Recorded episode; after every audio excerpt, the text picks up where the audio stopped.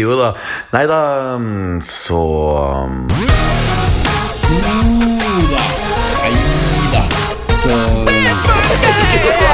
Nei da, så Ja, så ja, så.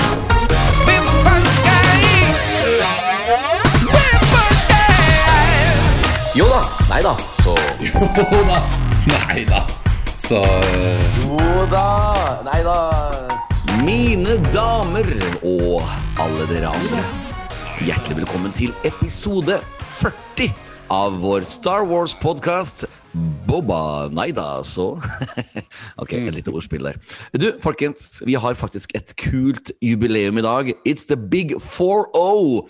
Hele 40 ganger har jeg og Mr. Knut Løksen satt oss ned og snakka mellom to og tre og fire timer sammen om that thing that happened a long time ago in a galaxy far, far away. Ja, vi er litt syke i hodet, vi vet det. Men noen andre som er like syke i hodet, det er jo våre sponsorer. Hvem er det som egentlig gidder å sponse podkasten her? Jo, det er godthall.com. De produserer T-skjorter, gensere og kaffekopper med vår funky logo på, så ikke glem å sjekke ut deres webside. Men nok introprat, vi har så mye annet vi må prate om i dag. Let's get down to the nitty-gritty. Her er min podkastpartner, my Max Rebo, my jazzy blue elephant, Mr. Knut Løksen. Hey! Takk, Kort takk. og enkel intro i dag. Ja,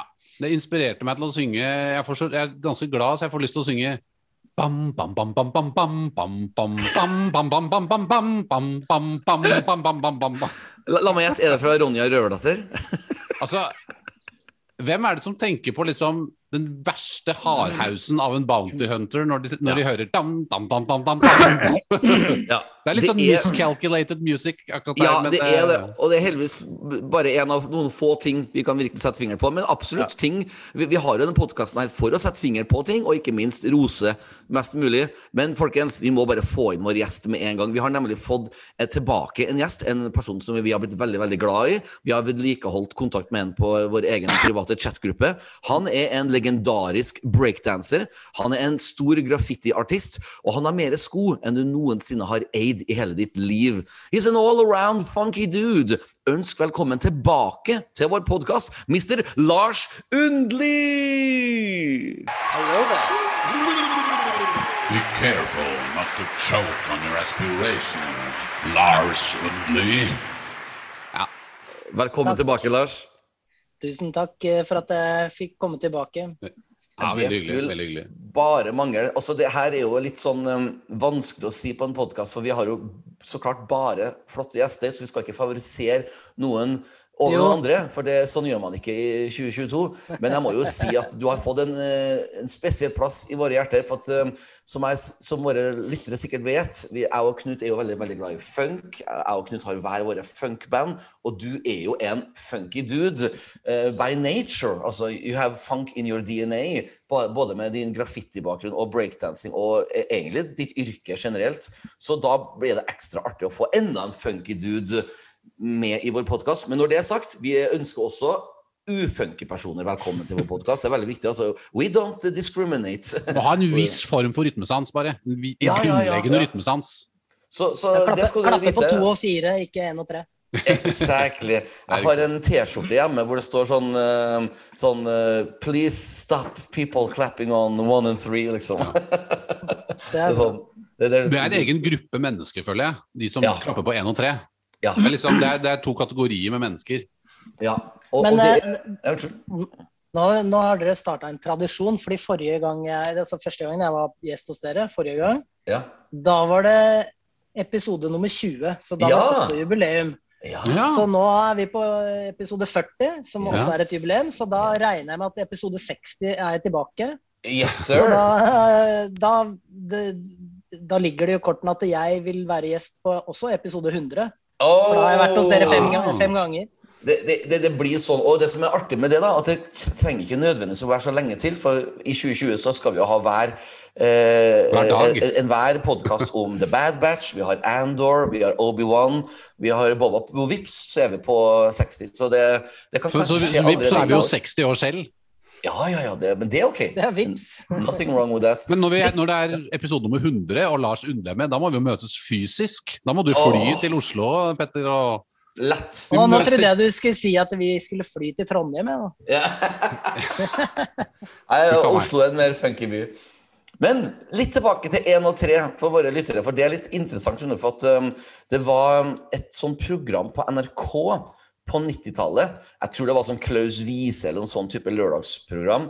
Hvor uh, det, det som TV-seerne ikke får se, er jo at det er alltid en sånn en uh, publikumsoppvarmer i eh, NRK, på NRK Marienlyst som varmer opp publikum og for å sørge for at de blir varme og gode når disse artistene og gjestene kommer i TV-studio. Og han eh, publikumsoppvarmeren her, han skal gå nå uten navn, så han ikke blir dritt ut, men han skulle da alltid få publikum til å klappe. Så for eksempel hvis du der er dama som sang I'm a big, big girl in a big, big world.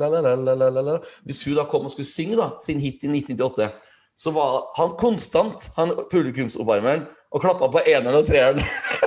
så hver gang vi da så på underholdninga på 90-tallet, så så vi alle 100 i NRK-salen klappa på 1 og 3. Og det gjorde så vondt i min kropp. Hvordan er det du, eh, Lars, ser breakdansere som skal starte liksom uptown funk, og så klappe på 1 og treeren? For jeg har nemlig sett det. Får du um, spasmer, eller har du noen triks hvordan du skal lære dem how to get funky? Altså, de, Når de danser, at de, de danser på én og tre. Jeg for så vidt, Det gjorde de ikke, men jeg husker at de klappa på 1 og 3 på introen på Uptown Funk. Jeg bare Oh my God, they haven't even learned the first rule of funk, Ja. liksom. Nei, ja, fordi det, eh, det er en liten forskjell på om, om ja. det er noen som danser på én og tre, og, og, fordi det kan på en måte reddes inn. Ja. Men eh, sånn ja. klapping på en Hvis jeg hopper ut i ringen, ja. Og, og folk liksom er, er supergira og begynner å klappe i takta, og de klapper på én og tre, Oh. så mister jeg det. Jeg, da, da, jeg husker veldig godt at det sleit jeg skikkelig med. ja, så artig at du Eh, sier det. og Og, og det er ikke det, altså de holder jo rytmen. Ja. De klapp, klarer jo å treffe på én og tre. Ja, Det er bare at inni hodet mitt så er det sånn der OCD-en på at Ja. det, det, det er feil. Liksom, jeg, fordi, ja, fordi jeg liksom jeg følger to og fire inni hodet ja, ja, når jeg ja. danser. Og da liksom hvis det er noen som klapper på, så bare Å ja. Er, Er er, du det, synkopering nå, eller hva, hva skjer her? er det sånn at når folk begynner å klappe på 1 og 3, da må du gå 20 ganger rundt en gatestolpe eller et eller annet sånt, bare for å liksom kompensere? At du får litt sånn tvangs-OCD-tanker ut av det? Du må liksom kaste salt over skulderen. Ja, ja, ja. Eller, eller bli liksom sånn som han derre politimesteren i Inspektor Clouseau. Han, ja. han, han politimesteren, Hver gang han hører navnet Clouseau, så får han sånn Tourettes-aktige Ja. vrengninger i trynet. Men det er jo egentlig, når jeg tenker meg om, så er det egentlig når du, Altså eneren og treeren, så er det egentlig treeren som er den verste. Det er treeren som er the big bad. Altså Eneren er egentlig ikke så ille. hvis du ser Ja. for deg, for eksempel Funkmusikk har jo et fundament. ikke sant? Det er eneren, Ja, all the one. Ja. Eneren er fundamentet. Det er liksom selve funk-livet. Ja. Men når treeren kommer i tillegg, dum, bam, da ødelegger du alt. Men hvis alle hadde klappa bare på, for- en, hvis alle hadde klappa bare på eneren, for eksempel, boom, da, da, er vi du, du skjønner det Med en gang folk begynner å klappe på én, så veit du at de kommer til å klappe på tre. Fordi Ja. de skjønner ikke det du nevner der. Nei, Så da, nei, nei. da går du og gruer deg til det. Ja. Så det, Det er jo det er, jeg, jeg mener at eneren, toeren og fireren er veldig liksom, gode kompiser. Treeren er liksom, der, der skjer det liksom ikke noe. Den kan vi nesten bare droppe. Bare ta én, to, fire. Og så bare, det blir en slags tretakt uten ja. Det er jo faktisk en, ja, ikke sant? Du, gutta, det er faktisk en legendarisk Elton John-låt fra 70-tallet. Jeg husker dessverre ikke på hva den heter, men den går sånn Jeg vet ikke om det er rings in a bell, men da har altså Elton John sampla inn klapping på én og tre. Og, han har gjort det helt bevisst, fordi han sa at publikum, det mitt hvite publikum i Europa kommer til å klappe på én og tre uansett. Så han, han kan liksom bare putte inn klappinga der, liksom, bare for å liksom gjøre litt narr av ham. Så det, det er virkelig en sånn uh, ting som uh, folk i musikkbransjen og i, underholdningsbransjen generelt snakker om Ja. på bakrommet. Altså. Og så har du Harry Connick jr., et, et YouTube-klipp hvor han spiller en jazzy låt, og Mm. alle i TV-studioet klapper på 1 og 3. Så switcher han beaten halvveis i pianosolen. ja, da blir det så sur. Vet du hva jeg har sett, faktisk? Ja. Dette, dette er en sam om eneren kommer jo også litt fra Det var en video jeg så med Bootsy Collins, en slags sånn instruksjonsvideo eller noe, hvor han spiller Yes, bass sir. og snakker om hvor viktig eneren er, da, Ja. i, i, spesielt i funkmusikk. At, at den får, får blir litt tyngde. Det må være tyngde. Ikke sant? Ja, ja. Korrekt. Og, um, og det, da, det kaller man jo for the one. og min sønn heter for The One. Aha. Ah, du på det nå, eller er det en tanke bak det? Nei, det, det, det er så klart en tanke bak det. det bare se på det første fødselsbildet av min sønn, så forklarer jeg liksom at His name is Theon, aka The One, liksom. Men nok om det. Vi skal snakke Star Wars. Vi skal altså snakke om en episode som er er meget, meget eh, overraskende på veldig mange måter. Jeg kan jo starte med et spørsmål til Lars og spørre deg hva syntes du om episode én av The Book of Bobafett på Disney Plus som kom ut for eh, åtte dager siden? Ja, eh, med en gang jeg så det, så ble jeg litt skuffa og, og ga det en sånn terningkast dårlig fire. Mm, mm. Eh, men det Jeg har Man skal jo liksom ikke dømme en serie bare på én episode, eller chapter som det heter. Så, så på en måte det, det var kanskje litt urettferdig. Men uh, den var ikke i nærheten av det chapter 2 var. Så den, Ja. eh, det er lov til å si at jeg syns den var dårligere, den Ja. første, første delen. Ja, det, det, Ja, det er veldig absolutt. sant. Men det er, det er, altså, en dårlig firer er jo fortsatt en bra, en OK karakter. Ja. Også, og jeg syns ikke Ja. det er feil. å jeg er egentlig på akkurat samme sted. Jeg liksom tenkte en svak firer. En, jeg ga den en firer da, for å være kul, liksom. For det er vi jo her på Boba Night også. Men, eh, men eh, den er helt klart meget Jeg vil si hvert et par hakk svakere enn episode to. Ja, og det er jo den vi skal snakke om i dag, eh, kjære lyttere. The Tribes of Tatooine. Og da har jeg en sånn fast eh, tradisjon her på podkasten å spørre Knut Løksen om Tror du den tittelen har noe flere meninger? Ja, det er eh, Nå, nå glemte jeg intromusikken her, den lå ikke Ja. inne. Men ok. Da eh, begynner vi. Nei, ja, den kan ha flere betydninger. i form av, altså, den, den, den har en direkte betydning selvfølgelig til The Tusken Raiders, selvfølgelig. For det er jo dette er, Det, det, det er den som er åpenbare. Ja. ja, det er en åpenbare. Det er det innfødte på Tatooine. De har en eh, claim to the Dune Sea. Dune, han sier jo Dune også. I, Ja, han, han, sier sin med Spice! Fy Ja, ja. faen, hvor mye Dune-referanser. ja, men Spice har jo vært i Star Wars lenge. Da, så det, så det har de robba fra Dune i utgangspunktet. Korrekt. Ja, korrekt. så, det, så det har vært der lenge. Men, men, eh, men ikke sant eh, Du har flere tribes som dukker opp her. Da. Du har jo disse Mm. altså, Jeg vet ikke om du kan kalle det en stamme, da, men det er flere fraksjoner. Da. Du har liksom The Huts som Ja, kommer etter hvert der, og du har The Mayor. Og du har en Bounty Hunter til som dukker opp. Oh Og du, og du har disse her eh, Assassins-grupperingen som hva het Night The Wind of the Night? Eller hva Ja, ja, og hun, hun Nightwing, Shan ja. gjorde narr av navnet. Det syns jeg ja, var artig. ja, ja, ja. Det var Eh, faktisk et Så det er flere i denne episoden her liksom uh, brygger rundt mange sånne fraksjoner, grupperinger. Så, det, så, så tittelen kan også speile litt i forhold til det, da. Men det er jo det er mest i forhold til The Tusken Raiders jeg tenker Ja. på, da. Jeg, jeg kan jo starte å si før jeg stiller Lars et spørsmål, at eh, jeg føler at tittelen på denne episoden er egentlig også mitt personlige høydepunkt på denne episoden. For jeg liker det at Tatooine, planeten Tatooine får litt mer kjøtt på beina. Får litt mer eh, Hva skal man si eh, Man må få et, mer, et større innsyn på den planeten. Jeg tror til og med man så eh, steder i episoden her som blir referert til eh, i A New Hope, altså. altså hvis Mm. dere, uh, oh, ja. jeg, jeg hintet til noen power converters som uh, skal hentes på en viss plass. Ja. Um, Lars, har du noe anelse hvilken plass jeg snakker om? Ja, og det er ikke bare hinting, det er Toshi Station. Det er Toshi, ja, Toshi Ja, ja. Station. Det er. Det er, Det er veldig artig. Ja. eh, Hvis du ser eh, episoden med Hva heter det? Hvis jeg ser notatene mine her, for Ja. jeg skrev ned eh, mm, eh, English audio description. Ja. Så er det en dame som prater og forteller hva som skjer hele tida. ja. Eh, og da står det altså Boba Fett går mot Toshi Station. Ah. Near, anchor, near Anchorhead. Ja.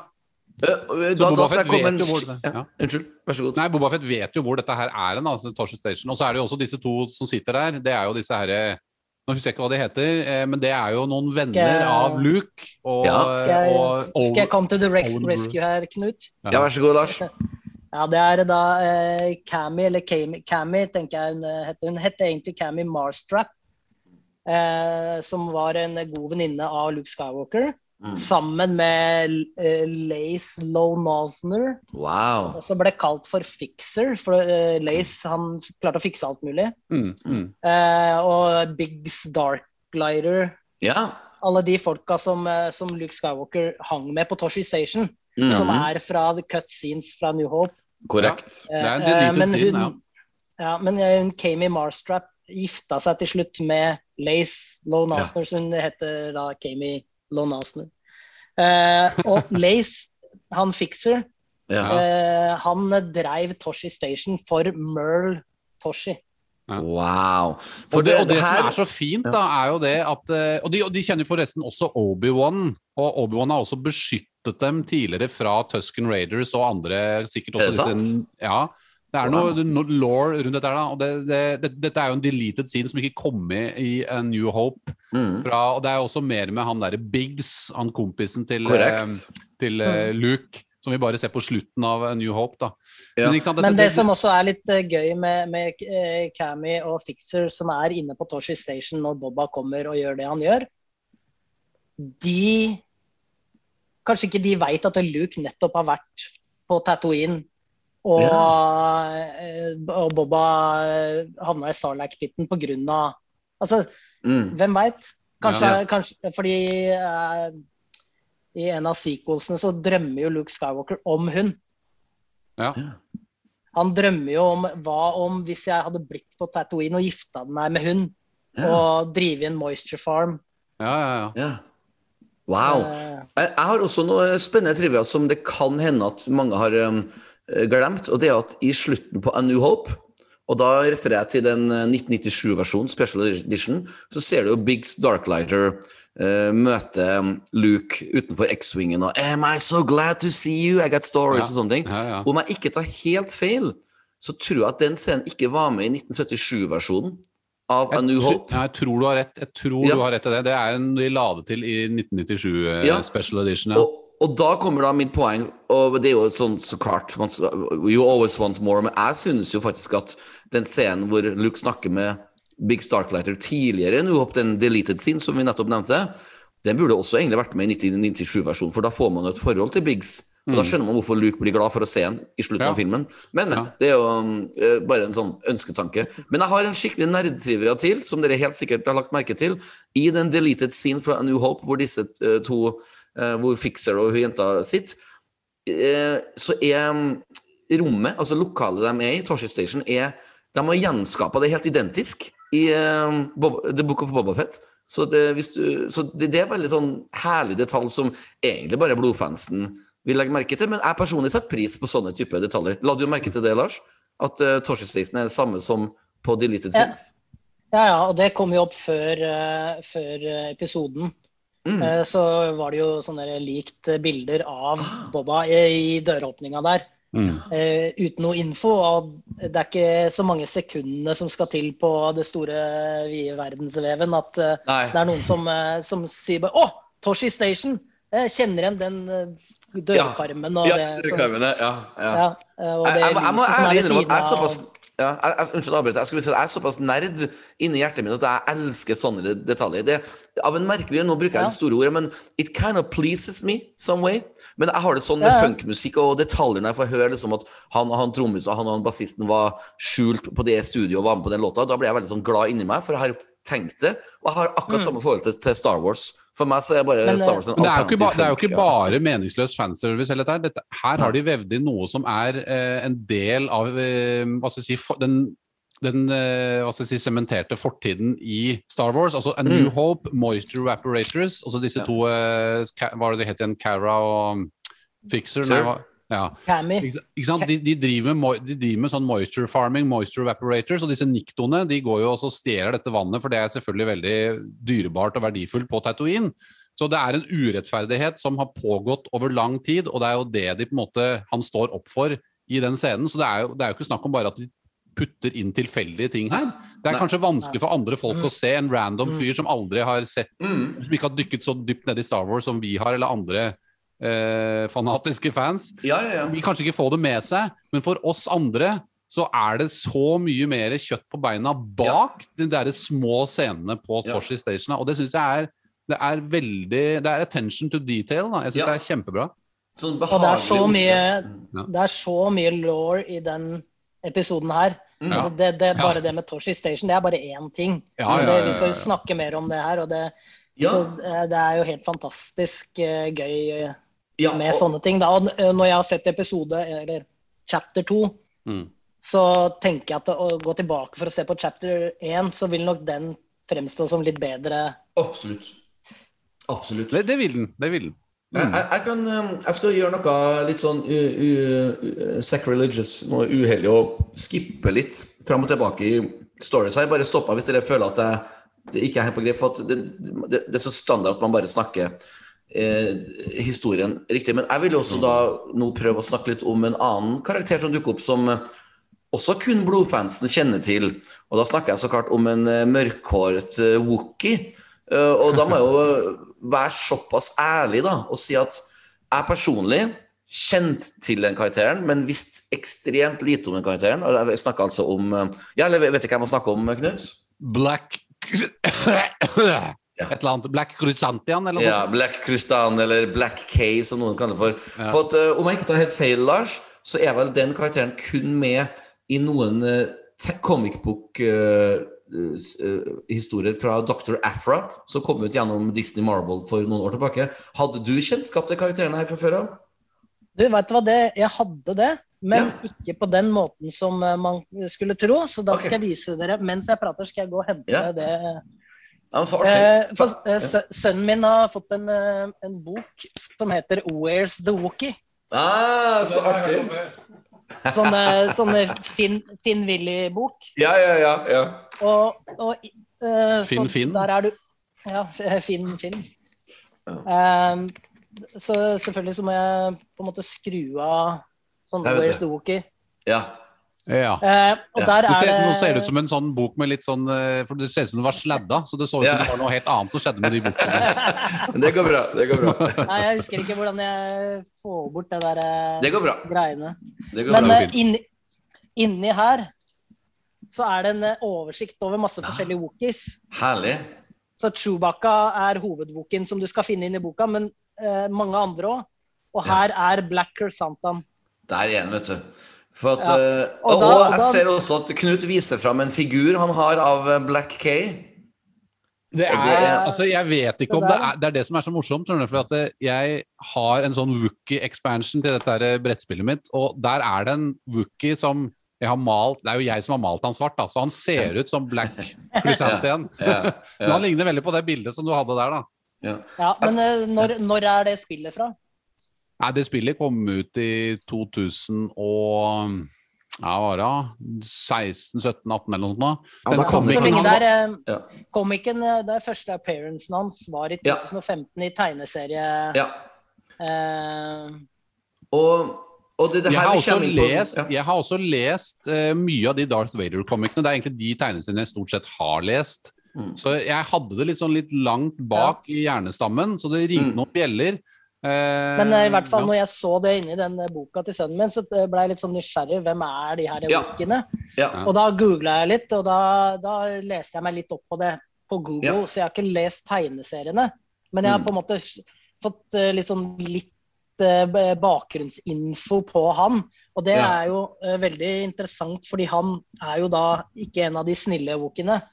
Og på et eller annet tidspunkt så har han jo da eh, hoppa av fra wookiene, på en måte, eller defected, og, og, Mm. og meldte seg som frivillig in the gladiator pits. Fantastisk. Mm. Og det er jo veldig gøy, fordi Boba Fett eh, kaller jo han for gladiator i Mhm. denne episoden her.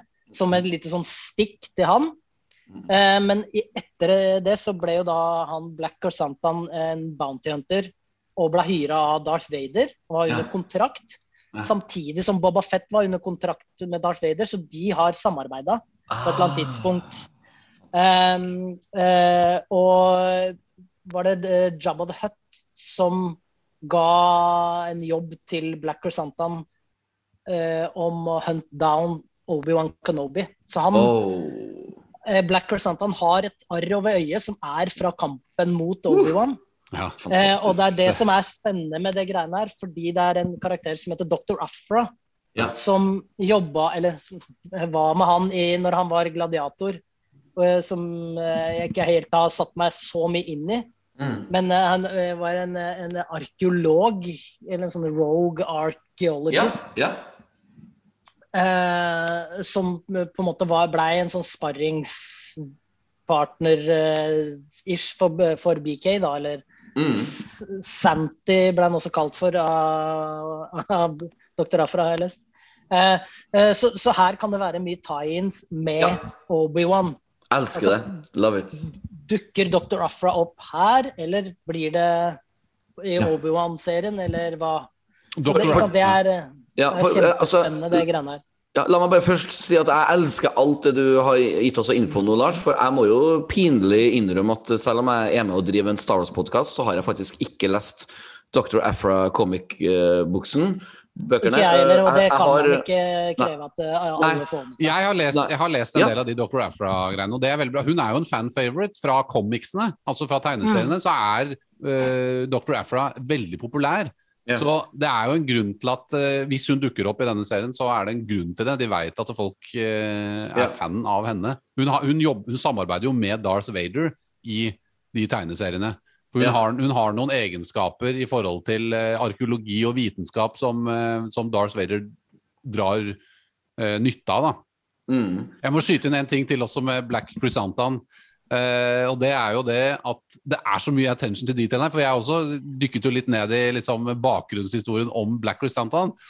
Og det viser seg jo at eh, som Lars her sier, at han er jo en gladiator. Han, han rømte fra Kashyyyk når imperiet tok over, ble gladiator. Der ble han utstyrt med noen sånne leste jeg da, noen sånne metallknuckles, eller noen metallhender. Og så leste jeg det, og så når jeg så episoden igjen, så sjekker jeg faen, har de, hvis de har fått med seg det også. Å nei, men så har de jo faen meg ikke gjort det òg. De har pokker meg Du ser at han har sånne metallknuckles på henda. Så dette her De, altså, Ja. de kjenner sin law. Her, altså, her storygroupen ja. må jo bo this- på Tatooine, liksom. Det er jo, det er jo helt This is the work of uh, Dave Filoni. Ja. Det er så det, og det, Den scenen i seg det, Hele den scenen, hele den sekvensen her Det Ja. er også som Lars sier, at det, Mm. Boba og Black Crescenten har en historie. Det merka jeg i Ja. måten de snakker til hverandre Eller Yes. Boba ser Ser Måten de ser hverandre på hverandre på, da. Mm. Uh, så det, det er så mye attention to detail. Da. Jeg kan til og med dra det enda lenger. Som våre lyttere sikkert skjønner, både jeg, Lars og Knut er veldig entusiastisk på denne, at denne karakteren dukker opp i The Book of Boba Fett, men det er egentlig enda mer stas for meg personlig, for at jeg er veldig supportive for å få inn nye karakterer i Star Wars. Jeg elsker at eh, Jeg elsker fanservice. Jeg elsker at vi får inn Luke i Mandalorian. og Det er helt OK hvis Han Solo kommer tilbake. og alt det der. Altså, Jeg liker alt det der, men jeg elsker enda mer at det kommer du vet, en BB8 eller en Baby Yoda, eller i dette tilfellet en Black K. For at eh, det, det, det, det utvider Star Wars-universet. Og så vil jeg også si at jeg jobber jo veldig mye på teater, så jeg kjenner veldig mange som jobber med kostyme og masker og sånn. Og den designen denne Wookien har fått Ja, i de få sekundene den er på skjermen, eh, eller er foran kamera, det er kjempebra. Ja. Eh, Jeg vil gå så langt og å si at fjeset hans og øynene hans er enda bedre designa enn eh, Chewbacca. Altså, Ja. Det ser så levende ut at når jeg så episoden på nytt, så var det det jeg hang meg mest opp i. bare, Oh my god, du ser han er sint, du, du ser mye expressions. Øynene er mer tydelige. Det, det her er på en måte sånn Wookie-design på- på- on a whole another level. Og det er ikke CGI, og det, det, det, det er veldig glad at det ikke er. Så jeg, mitt bare ledende spørsmål til dere to er la dere også merke til hvor genuint ekte Black K så ut. Ja, ja. Jeg har eh, kompiser som, eh, som cosplayer som Ja. Eller jeg har én kompis som nettopp har bygd ferdig en eh, Black K Oh, cosplay uh. i Danmark. Og det, ja, det er ganske heftig. Og, eh, men det er jo, det er jo Chewbacca 2.0. Altså, Yes! karak- Det- det- du- du- Karakteren Black Crescentan er det, på en måte. Det er Ja. liksom, hvis, vi, hvis vi hadde lagd uh, Chewbacca nå fra scratch, så hadde den Ja. kanskje blitt mer lik Black K enn Chewbacca. nå, nå vet Lars, nå gikk, Lars brukte nettopp Unnskyld. Ja. Ja, nå, det gikk opp et lys for meg nå, egentlig, i forhold til hvorfor jeg malte den figuren min svart. Ja. Det er jo sannsynligvis fordi jeg har lest disse tegneseriene, og den derre svarte Wookien har ligget i bak for Ja. Grunnen til at jeg malte den svart, er jo ikke fordi det eksisterer ikke noen svarte Wookies i, eh, i filmene. Kanskje noe Kanskje på, litt i, pre, i, uh, sånn i bakgrunnen sånn der. Ja, ja. Mm. Men eh, dette har ligget bak i hjernestammen min og, og liksom uh, manifestert seg inn på en Legion plastikk-miniatyr. Ja. Det, det, det som er litt artig, ja, gutter, at, at eh, nå har vi jo egentlig bare nettopp uh, scratch the surface av alt det vi skal prate om i dag, men jeg vil faktisk gå, til, gå så langt og si at bare entreen av Black K og uh, Toshi Station er faktisk mine to absolutt høydepunkt på denne episoden. Så det er veldig artig at vi starter med mine to favorittpunkter, liksom. Og det er mye annet spennende, også klart med actionscener og slike ting. Men for meg personlig så var det her på en måte de to tingene som traff meg sånn Yes, de, de vet hva de holder på med. Og det er jo Ja. jeg, jeg lovte Knut Jeg skal ikke snakke mer om Rise of Skywalker på denne podkasten, for jeg har en tendens til å nevne den veldig ofte. Men det var det som var svakheten med Rise of Skywalker, var at de, de ikke brydde seg om law, de brydde seg veldig lite om ekte Star Wars-stories. Men her gjør de alt rett, og det, det gjør meg veldig glad. Det, det får meg til å tenke at framtiden til Star Wars er veldig, veldig lys når de bryr seg om slike detaljer som, som vi fans setter pris på. Jeg, jeg kan jo si at jeg er helt enig i det du sier der, eh, Petter. Men jeg kan jo si at eh, for min del så er jeg litt sånn eh, skeptisk til Disney Star Wars Ja. Eh, en, enda. Jeg Mm. sitter litt sånn på ja. uh, On the edge of my seat eh, for at de ikke skal trå feil igjen, typ. så, så at jeg kan liksom Å, det her. Det, sånn som med, med Mandalorian og Eh, og, og den eh, episoden her nå, så, så er det liksom åh, det, Nå er vi i mål her, på en måte.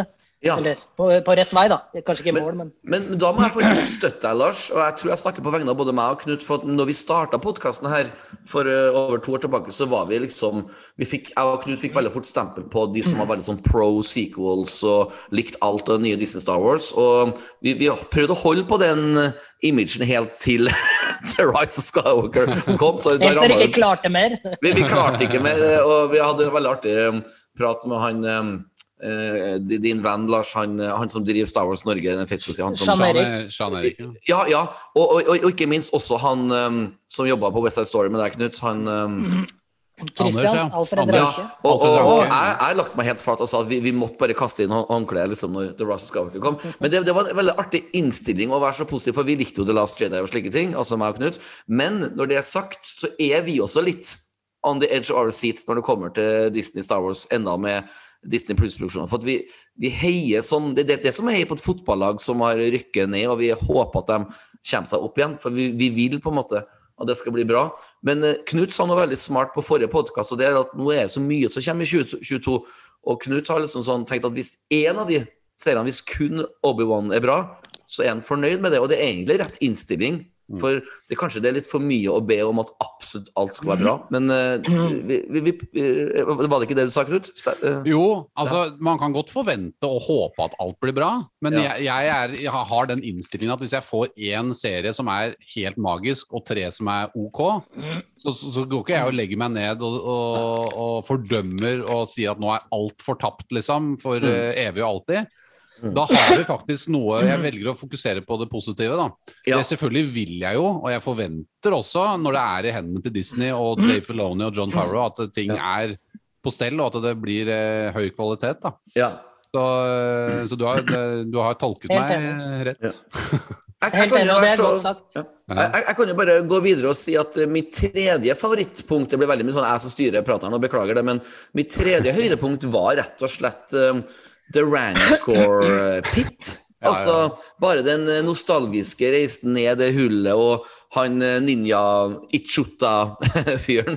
og hva han Altså, det, jeg, vet at det er sikkert cheesy fanservice for noen, men for meg så syns jeg det var et veldig gledelig gjensyn. Eh, hva, hva føler du, Lars? Hva var det koselig å se The Rancor Pit uten Rancor i? En mus isteden. Ja. Jeg, jeg, jeg flira og kosa meg. Hva- hva- Verdens hva eh, smarteste luremus, kaller vi det. der. Ja, uh. Eh, Uh, Jeg likte, en, eh, Ja. jeg likte den scenen veldig godt. Det, Ja, det, det, det som også var litt sånn kult med det, var når Fennek Shan sier It's empty! Ja. Det, bare sånn, og det, det apropos Disney Star Wars, jeg må bare si det, da. Det er jo da eh, hvordan eh, skuespillerne, eller altså karakterene, forteller oss som ser på, hvordan de føler. Og det er litt sånn som den droiden som, blir, som er, er voisa av eh, Er det John Favreau eller Dave Filoni i sequelsene? Den derre Happy, sad Ja, eh, Neo, nei, ikke Nei, heter men um, eh, Dio. Dio. Dio. Dio, ja. ja. Ja. og, og det er litt sånn der, det kan løses på den måten som Fennek Shand gjorde det, eller sånn som Dio. Eh, Den Fennec Shan-måneden den var litt mer Star Wars for meg, da, så det Ja. satte jeg veldig pris på. Ja. Det, det, eh, vet du hva? Jeg, jeg kjenner at vi ikke er helt ferdig å prate om det. For at jeg, jeg føler at jeg må la både dere og lyttere, våre lyttere forstå at um, på tidlig 80-tallet så var det mye mye lettere å, å teste ut grenser når det kom til film. Hvis du tenker tilbake på Robocop og actionfilmer generelt på 80-tallet, så var det liksom det var ikke noe problem å putte prinsesse Leia i en biki, gullbikini. I 2022, den tida vi lever i nå, så er det en annen woke-kultur, og det er metoo-kultur òg. Så egentlig, for å være litt sånn uh, djevelens advokat her, så er det jo egentlig ikke Disney sin skyld at, at Star Wars har blitt disnifisert.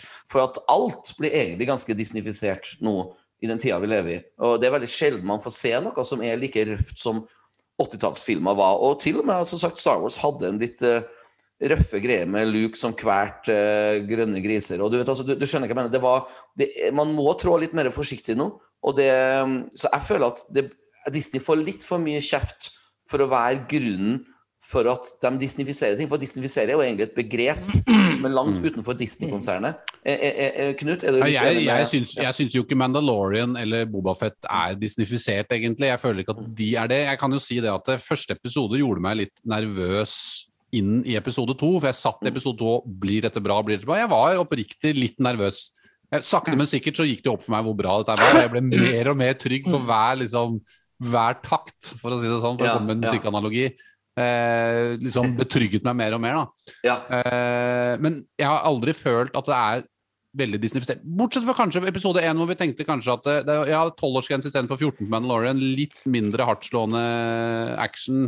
Mm. Går, kommer det til å gå den veien? Men så følte jeg nå i episode 2 at action var jo mer brutal, mer hardtslående, mer fartsfylt. Det var jo selvfølgelig flere actionscener også å spille på for Ja. taperne.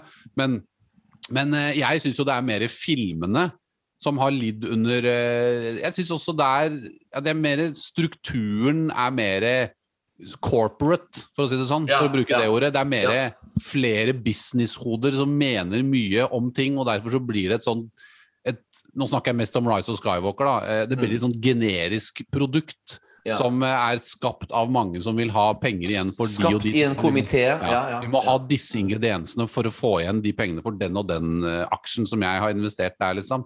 Så, ehm, så, så man kan jo godt kalle det disnifisert, men jeg tenker at det kanskje er litt, et litt feil perspektiv, egentlig. Altså disnifisere, da vil da snakker vi prinsesser og troll og nisser, liksom, som, for, som ja. For, for jeg egentlig mener at Hvis du ser for eksempel, går på kino og ser dere Fast and the Furious-filmene, de er Ja. ganske snille og søte, dem òg, sammenligna med 80-talls actionfilmer. Ja. Hvor du faktisk fikk se litt blod og gørr. Jeg bruker alltid Robocop som et godt eksempel. For Den første Robocop-filmen ser jeg på nå som en moderne klassiker. Fordi de skytescenene og de voldsscenene er jo helt Jeg, jeg, jeg måper nesten når jeg ser på, Ja. for det, er så grovt og, og frekt og vakkert. Det er jo, det er jo Tarantino-esk.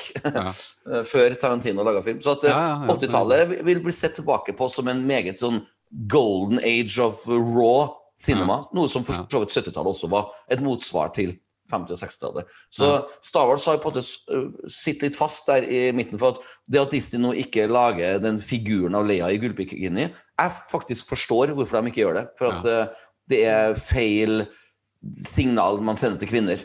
Jeg, jeg, jeg, jeg skjønner. Jeg det. Er jo en Altså, vi får jo se Twilex-menn i bar overkropp her, liksom, så jeg Ja, er mener jo at det, det, er, altså, det er feil å fremstille både gutter og jenter som sexobjekter hvis det bare er putta inn der bare for å være der, men hvis det er en reason, altså hvis det er en grunn bak det, Mm. så mener jeg at det kan være Men ikke sant, akkurat det med at Leia er i en Hvorfor er det akkurat gullbikini? Det blir kanskje litt sånn litt påtatt, da. Litt Mm. unødvendig. Det er en mann som har bestemt at det bare skal se fint ut. Man får kanskje litt følelsen av det, så, så jeg er jo enig i det. Det er Det er jo klart at det, det, man får følelsen av det, for hun var jo slaven til Jabba, så Jabba Ja. bestemte jo det. Så Ja, Ja, den er ja. grei, liksom. Men Ja. eh, det blir litt sånn uh, Pippi må retconnes og liksom Ja. På grunn av woke og cancel og alt det der greiene Ja. som uh, på en måte man er oppi nå, da. Ja. Eh, og jeg syns ikke Altså disnifisert og disnifisert, sånn som Original Trilogy, er ikke veldig gory eh, filmer. Det er ikke Nei. Tarantino, det er, det er ikke blod i Star Wars. Nei. Bortsett fra Eh, da- New Hope med armen til doktor Ja, doktor det for Eva sa. han. Ja. Det er for så vidt sant. Ja. Men eh, eh, sånn eh, og sett over det hele, så er det ikke så veldig mye sånn gory Nei. i Star Wars sånn generelt. Det er mer skremmende ting eh, eh, på Dagobah inne i hula enn der det er eh, Ja, jeg, jeg, jeg bare føler at man slapp lettere unna med å prøve teste ut ting på 80-tallet og til, uh, sent 70-tallet med Star Wars enn det de gjør nå. Nå må man på en måte ta litt mer hensyn til hvor Ja, grovt Du ser jo f.eks. i episode 1 av altså chapter 1 av Boba Fett, hvor han så kutter strupen på en fyr, og du får se null blod, liksom. Det er veldig sånn Det er et drap. No, there's even some disintegration going on, men du ser på en måte ikke noe blod. Og det er Ja. litt interessant, syns jeg. Det Men når vi Eh, er inne på det der eh, subjecten der med sånne, sånne ting, da, med eh, litt sånn woke og mm, Phantom Menace fikk jo veldig mye tyn for, eh, for eh, eh, de der? Nemoidians, nei, Ja. Nemoidiansene. Å ja! altså, det var, eh, det var eh, fordomsfullt mot asiatere Ja. og Ja. sånn stereotypi-greier. da. Ja. Og det, det kan du også liksom begynne med, med Tusken Raiders. da. Hvorfor, Ja. du, vi, vi har ikke hørt noen navn. Hva heter han lederen for den stammen? Mm. Hva, de er helt anonymisert. ja. på måte liksom Foreløpig. eh, Foreløpig. Jeg, jeg har litt følelsen at de kommer til å reveale noen ting der. Og hun der, hun, hun Eller nå sier jeg jo hun, da, nå røpte jeg det litt. Altså, Ja. Han driver jo og sparrer og trener med en, en Kvinne. Kvinne.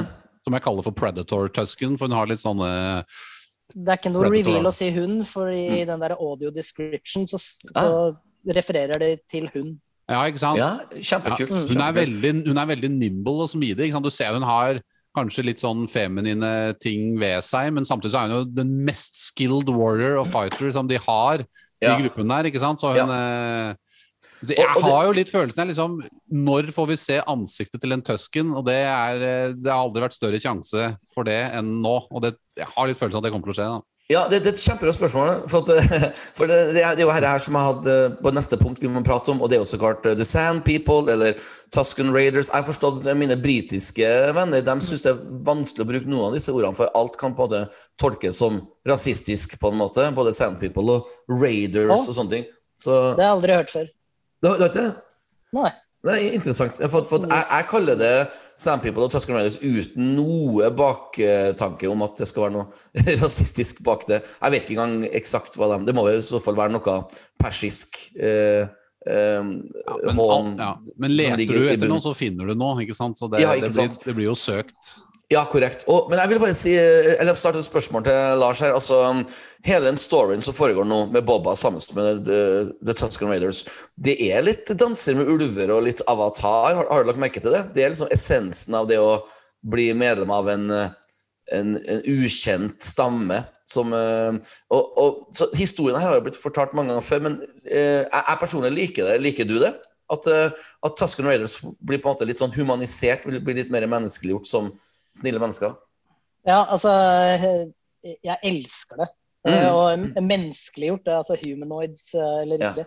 Eh, det setter jo også det, Altså, jeg elsker eh, Ja. masse av de greiene der, men én ting med det, når du menneskeliggjør Tusken Raiders slash Sand People såpass mye som blir gjort nå, så Mm. setter jo det veldig i, Altså, det Anakin gjør, blir veldig mye verre. Det- Og det blir mye verre. Men, og, ja, men ja, det kan hende det er snakk om forskjellige tribes. Ja, At det her er en snill tribe, Ja. og at den triben han uh, drepte, de var bare savages. Uh, Ja. Bare, altså, men, men det er liksom Apropos sånn derre PG13 og hva som er Mm. skremmende for barn og ikke. Når det, liksom, det, der, det, det er egentlig mye drøyere enn å se blod på skjermen. ja, ja. Eh, Knut, du Men, hadde men innlegg her. veldig kult. Ja, nei, For å spinne videre på det Lars sier der. altså Det er jo en scene inne i teltet mot slutten av episoden hvor uh, vi får en liten sånn exposition om uh, The Sand Peoples historie. ikke sant? Og da, da Mm. da sier de jo det at det er forskjellige stammer, og etter at etter at eh, det ble mye ørken der Vi får jo egentlig vite at det har vært noen havområder, og de måtte omstille liksom levemåten sin. da. Så var det noen som måtte ty til drap og vold og, for å overleve, men disse her er ikke en del av denne gruppen.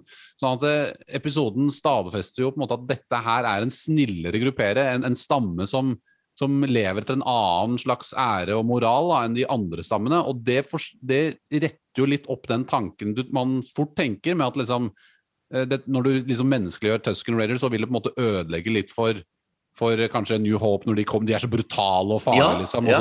Og, så, og, eh, episode to, som eh, Lars sier, når Anakin dreper alle disse Tuskenene. og- Men de har på en måte en slags forklaring inni der på det. Det er en annen tribe. Det er jo helt tydelig. De har andre klær, de har andre telt, de har andre design på tingene. De har det er andre tradisjoner, og det er litt sånn som Mandalorian. ikke sant? Det er flere Mandalorian-klaner, så er det flere Tusken-klaner, og det elsker jeg. Eh, jeg syns det er kjempebra. De, de, de, de, liksom, de dykker jo dypt inn i dette her. Eh, så at, eh, jeg syns at den, den historien med The Sand People og Bobafett er kjempebra. Jeg kunne ikke vært mer fornøyd egentlig med akkurat det. Og jeg får nesten litt sånn jeg får litt Game of Thrones-vibber av det òg. Sånn Ja. Dan Daenerys Targaryen. Når hun Mm. samler alle disse forskjellige folkene som hun mener er uh, urettferdig behandlet. Da. Det samme gjør jo Bobafett, og det er jo vevd litt i, inn i hans Ja. motivasjoner for hvorfor han vil bli uh, crime boss og liksom styre denne underverdenen. Han ser jo urettferdigheten de måtte lider under, disse Tusken-raiderne. Så jeg syns Ja. hele den historien her er, den blir mer og mer interessant. Og det er litt sånn tie-in til, til Mandalorian, hvordan eh, Ja. Din Djarin får eh, liksom eh, mer Beskar, og hvordan Altså hele den tanken med hvordan gaffistikken til Boba Fett ble, ble til. Ja. At man får se den prosessen. Det er, sånn- det, det er sånn jeg alltid ønsker meg. Ja. ja. Eh, Jeg vil gjerne se det. Og apropos det, den scenen når Boba kommer til eh, hva, Til den herre Nei, til den derre snekkeren eller annet sånt når han skal få Ja, lage ja. den gaffy-sticken sin. Ja. Mm. Det er jo eh, direkte fra en Ralph McQuarrie-illustrasjon. Eh, Ja. Men der hvor, eh, der hvor det, det ligger noe sånn eh, det, det, det er i ly av eh, eh, vra, et eller annet vrak fra en eller annen motor eller noe sånt, noe, så er det Det, det er eh, Ralph McQuarrie-greia. Altså. Wow. Det er superkult. ja. Eh, En sånn kul time der. Og, og det eh, Alle sånne ting med liksom hvordan han lærer seg å bruke den gaffy-sticken eh, og at han, Du ser at han må jobbe mye for å lære seg det. Litt sånn som eh, Din Jaron måtte lære seg å ri på, på de her eh, Blørgene. blurgene, ikke sant? At Ja, du, du, du ja. har en sånn story som, som går på Som bygger opp hele greia, sånn at du får ja, mer kjøtt på beina til hvorfor ting er som det er. da. Ja. Eh, det er helt fantastisk eh, bra lagd, det der greiene. Ja. Jeg, jeg vil bare gå, gå bitte litt tilbake Eller det er for samme tema med, med Sand People, men jeg vil bare si at uh, Knut var innom uh, A New Hope. Der blir Sand People uh, framstilt som veldig veldig slemme mennesker. Uh, og Obi-Wan til og med har ikke noe, noe fint å si om dem. Og når du ser Phantom Menace under pod-racen, så ser du at Sandpeople Sand People skyter på podracen og jubler og, og sånne ting. Så, så når da Anakin da i Attack of the Clones dreper noen av dem, så har ikke vi som seere noe positivt inntrykk av Sand People i det hele tatt. Det er jo først når uh, Din Djarin gjør tegnspråk med Sand People i en av de første episodene av sesong 1 av Mandalorian, man skjønner at oi, det er noe vennlig her, og så blir man veldig uh, snillere nå, da. Du vet uh, eh, altså, du vet, sånn som Attack of the Clones, og mora til Anakin blir misbrukt og, og holdt til slave og, og, og dør av det. Altså, det er jo, man får null sympati. Eh, Jeg har jo som alltid da, en, ofte en dypere tanke på hva som ligger bak det her. og uh, Dere får bare stoppe meg hvis jeg sklir fullstendig ut, men jeg skal prøve å fatte meg i kortet og si at jeg føler at den uh, muslimske verden, uh, slik som vi i den vestlige verden får, får den framstilt, er jo ofte at hvis det skjer noe negativt uh, i den muslimske verden altså, altså Det er jo én milliard muslimer her i verden, og kanskje 1 av er slem, men den 1 får veldig mye medieoppmerksomhet. Sånn har det også da vært med Sand People. Og jeg, jeg må bare si at jeg snakker av erfaring, for jeg, jeg er så heldig at jeg har flere muslimske venner, både i Oslo og i Trondheim. Eh, venner fra Iran og Irak, og til og med mange av foreldrene i den barnehagen hvor min sønn går. De triveligste personene jeg har møtt i mitt liv, har vært muslimer.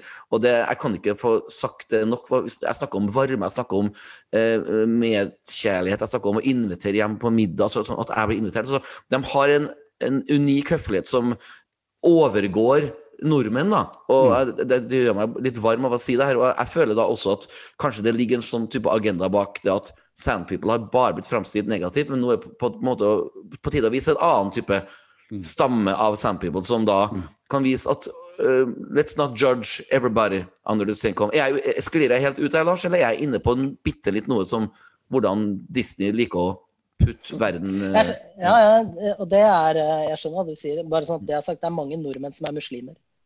Uh, Ja.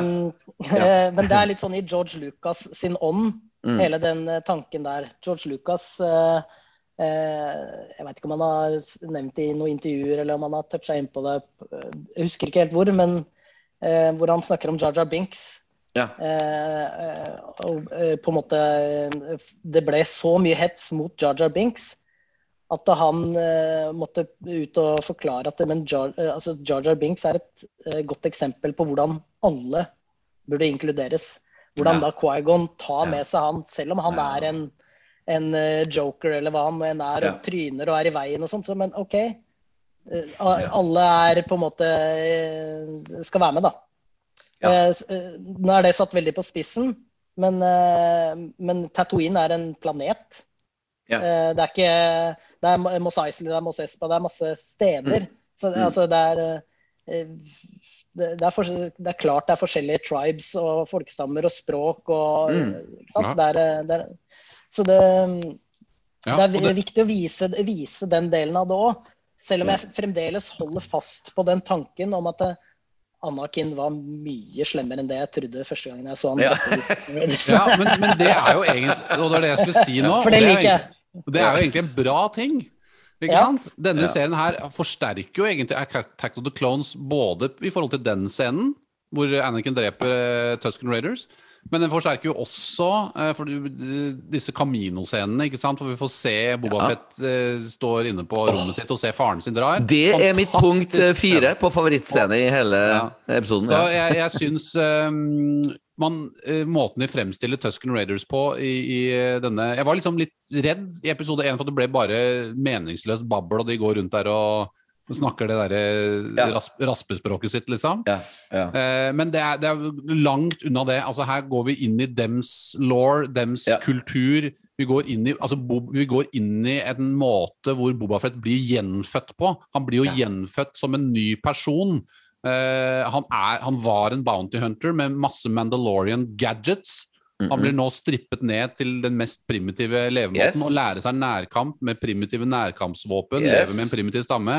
Den Ja. perfekte kontrasten til en sånn high-tech bounty hunter-type, liksom. ja. Hvor han må learn the ways på en helt primitiv måte. Og det, jeg syns det er helt genialt. Det en, er en Ja. perfekt måte å, å liksom bygge opp Bobafett på nytt igjen, for det er jo akkurat det de gjør. Og da har du en, en slags um, måte å følge han på i showet. Fra liksom Du begynner ikke der oppe at han er liksom helt konge, kan bare drepe alle.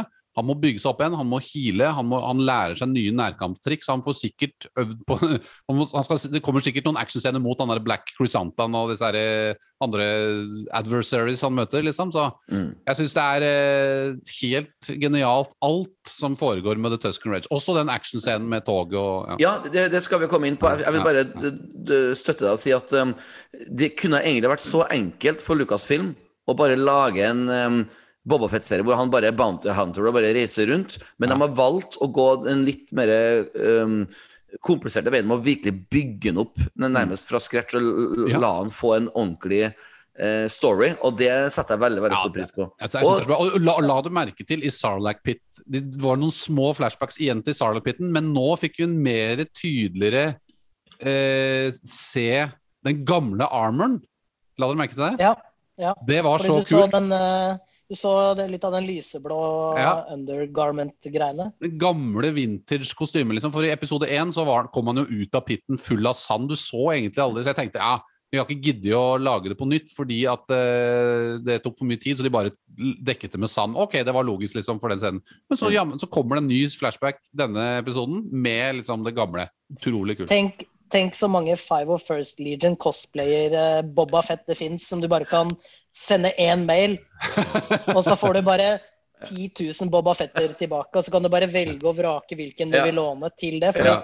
de som gjør det, de er den stolte eier av screen used accurate kostyme. Så det, det- Ja. Det, tenker jeg aldri på at det er noe stress for dem å fikse. Nei, det er jo ikke det. Så det er, og de skal jo gjøre det med Kenobi-showet også. Det var jo nyhet for noen uker siden. Så de har jo leid inn noen sånne extras, eh, noen cosplay-dudes fra Jeg vet ikke om det var Five of First eller hva det var for noe, til Kenobi-serien. Så dette det, er her jo, bruker mer og mer. det er jo Mandalorian, Mercenaries og Five of First Legion og Rebel Legion og Ikke sant? Ja. Det er bare You name it. Ja, det er så utrolig kult. Eh, Knut nevnte togscenen. Jeg kan jo bare starte å si at eh, som dere helt sikkert vet, så er jo det her en klassisk eh, western-referanse til når de hvite Back to the future. Ja, ja, det også, faktisk. Det tenkte jeg faktisk ikke på faktisk, når du sier noe. Men jeg tenker tilbake til westernfilmer, når du så hvite folk tok tog gjennom Vesten på, i 1700-tallet og 1800-tallet, og de skjøt på buffalos. Og hvis dere legger merke til hvem de skyter på først, så er faktisk eh, eh, dyrene de sikter Ja. på først. Ja. Uh, de som er på toget. Så la dere, tenk dere at det her var en western-referanse, eller eh, Ja. syns dere det var rart at det var et tog i Star Wars? Nei, det er jo det Nei, samme som ja, Nei, unnskyld. Ja. Nei, Jeg syns det var dødskult at det var tog som ikke var på skinner, Mm. som eh, blir powered av en sånn Fordi Uh, Ja, var det en podrace-maskin? ja. Ja, det, det kan du godt si, men uh, det, det, eh, det finnes jo et ekte tog fra liksom før eh, andre verdenskrig, typ, eller for, ja, sikkert 20-30-tallet, som hadde en typ sånn jetmotor på taket. ja. Så det, det fins faktisk. Mm. Eh, eller fantes, da. Så, Mm. Men jeg synes det var eh, Men jeg fikk også litt sånn uh, solovibber av det. Ja, Ja, det absolutt er solo. akkurat, var det akkurat det jeg skulle si. Mm. For det er jo Og ikke det, sant? Ja. det liker jeg veldig godt. Ja, ja, ja. ja. Jeg jeg er for øvrig Altså- stor fan av solofilmen. Soloreferansen i den filmen her er jo ofte, nei, denne episoden her er jo off the charts. Altså, vi har, vi har, du har eh, denne Wookien, altså Black Chrysantan, og, Ja. og, og som har jobbet for, eh, for eh, Jabba Cream. og, ja. ja. og, Crimson Don, Eller kanskje han kjenner til Kira og sånn. Og så har du da Pike-syndikatet, som selvfølgelig styrer dette toget. Og du har Det er et tog som jo speiler litt det som skjer. Det er jo en train heist-scene i Ja. Solo, som, som Ja. ligner litt, rann, ikke sant? Eh, Det bare er på skinner og det er snø, liksom. Det er litt annen variant. Ja, det og det- er det, disse ryktene om at eh, Solo dukker opp igjen, de Altså han jeg, jeg tror ikke bare Solo dukker opp, jeg har en stor følelse av at vi kommer til å få se Kira Mulig at Emily Clark kommer til å dukke opp. Og det er ikke bare fordi det er Daenerys Targaryen-feeling på slutten av episoden med Mm. Moafett, men det er fordi at uh, hun var jo egentlig nest øverste leder da, på nåværende tidspunkt uh, i Solo eller daværende tidspunkt i solo, når hun snakker med Maul, av Crimson Dawn. Eh, sånn at Eller i hvert fall høyt oppe i hierarkiet der. Sånn Jeg vil eh, gjette, da, bare Ja. for å ha sagt det, slik at vi kan bevise det på denne podkasten noen uker senere, at jeg tror at Kira ja, hun dukker opp, men ikke i samme scene som Solo. nei, nei, Jeg tror at han. Solo dukker opp i en flashback-scene, kanskje Ja. fra sånn eh, Empire Strikes Back, uh, Return of Jedi-periode. ja, Uh, og så tror jeg da at Kira dukker opp i nåtid. ja. Så det var jeg Ja, det, jeg, tror også det er mest sannsynlig, for at han solo på dette tidspunktet ja, Det kommer an på om man dukker opp i flashbacks-delen av Bobafett-serien, eller om man dukker opp i nåtidsdelen av serien. da jeg ville, Mm. jeg ville mer tro at han hvis han dukker opp i at han dukker opp i flashback-scenene altså i Bobafett sin tidslinje i Bobafett-serien. Det ble, det ble litt uh, komplisert. ja, ja. Men i nåtid i Bobafett-serien så tror jeg det er mindre mulighet, for da er jo han med, Han er vel Da er vel Ben Solo født, og han bytter bleier og holder på med det, liksom. Da blir det jo gærent å drive Å holde på med Pike-syndikatet, liksom. Eh, Han er jo liksom litt Nei, nei, ferdig nei, nei, det er, nei, nei, Ben Solo hadde nanny. Det var uh, Mon som skifta bleie på ham. ja. ah, det er nå, har, nå ser jeg for meg det, liksom. Det, Ja. Det er veldig, Ja, veldig med, bra. det, med, med den uh, ja, og så, så, så, gul, så gulper Ben Solo litt sånn og bæsjer på den der hvite garmenten som han har på seg. Skifter på bleia, bare tisse, tisse rett i trynet på Mothma. Jeg kan ta en liten uh, trivia-quiz på dere, da. Jeg vet dere vet svaret, men jeg bare gjør det likevel. La dere merke til Mustafar-linken? eller altså referansen? Ja, i like, Hva- hva- like hva skjedde nå? Ja, nå ble det litt lydere. La merke ja, ja. You're sweating like a gupta on Mustafar. Jeg personlig føler at den var litt sånn shoehorse eh, Sånn shoe... Hva heter det? Ho- Sju Sjuhorn. Sjuhorn. Takk. Sjuhorn inn. Men jeg flirer på at eh, vet jeg, jeg bare forventer ikke at alle i, som bor i Star Wars-universet, skal vite om Mustafar, men det er tydeligvis en kjent planet som er jævlig varm, tydeligvis. da Jeg så for meg at det var mer myst, mystisk planet som bare Sith-folk hadde forhold til, men You're sweating like Nei, a altså, Mustafa. I dette Darth Vader-spillet på- i VR så er det, får du jo mer law og story. Det er jo en, det er jo en eh, folkestamme og gruppe som lever der. Ikke sant? På Ja, Mustafa, ikke sant. fra gammelt av og sånn, så er jo masse Selvfølgelig er det noe law, og det er jo noe law bak alt. Ja. i Star Wars. Ja, ja, ja. Det, for det, det, var, det, var, det var litt søt. Og så vil jeg si at um, det her er ikke noe negativt nødvendigvis, men uh, The Mayor, altså um, uh, ordføreren eller borgermesteren, eller hva vi skal kalle det for, det, den scenen um, Jeg følte at den ikke gikk noen plass, men uh, kanskje dere kan correct me. Og der er jeg litt uenig, fordi at, Ja. og det er mange andre som sier det samme som deg, Petter, men jeg Ja. er litt uenig. For at den, den Hvis du forventer at The Mayor er the big bad bak de assassinationene, eller altså disse eh, mordforsøkene på, på Bobafett og sånn, og det var liksom det du ville ha ut av den scenen, ok, greit, men, men jeg mener at det adder litt mer til mystikken, da. Ja. At han sier at han enig vet ikke noe om Eh, Det er ikke han som sendte det, og det, det var de eh, Og han eh, Disse mm, Denne assassination-gruppen jobber utenfor sitt område på ulovlig vis. Mm. Eh, altså de utenfor Høtt, hva var det de sa, utenfor Høtt-regionen eller utenfor Høtta, eller altså, så har de Mm. ikke lov til å operere.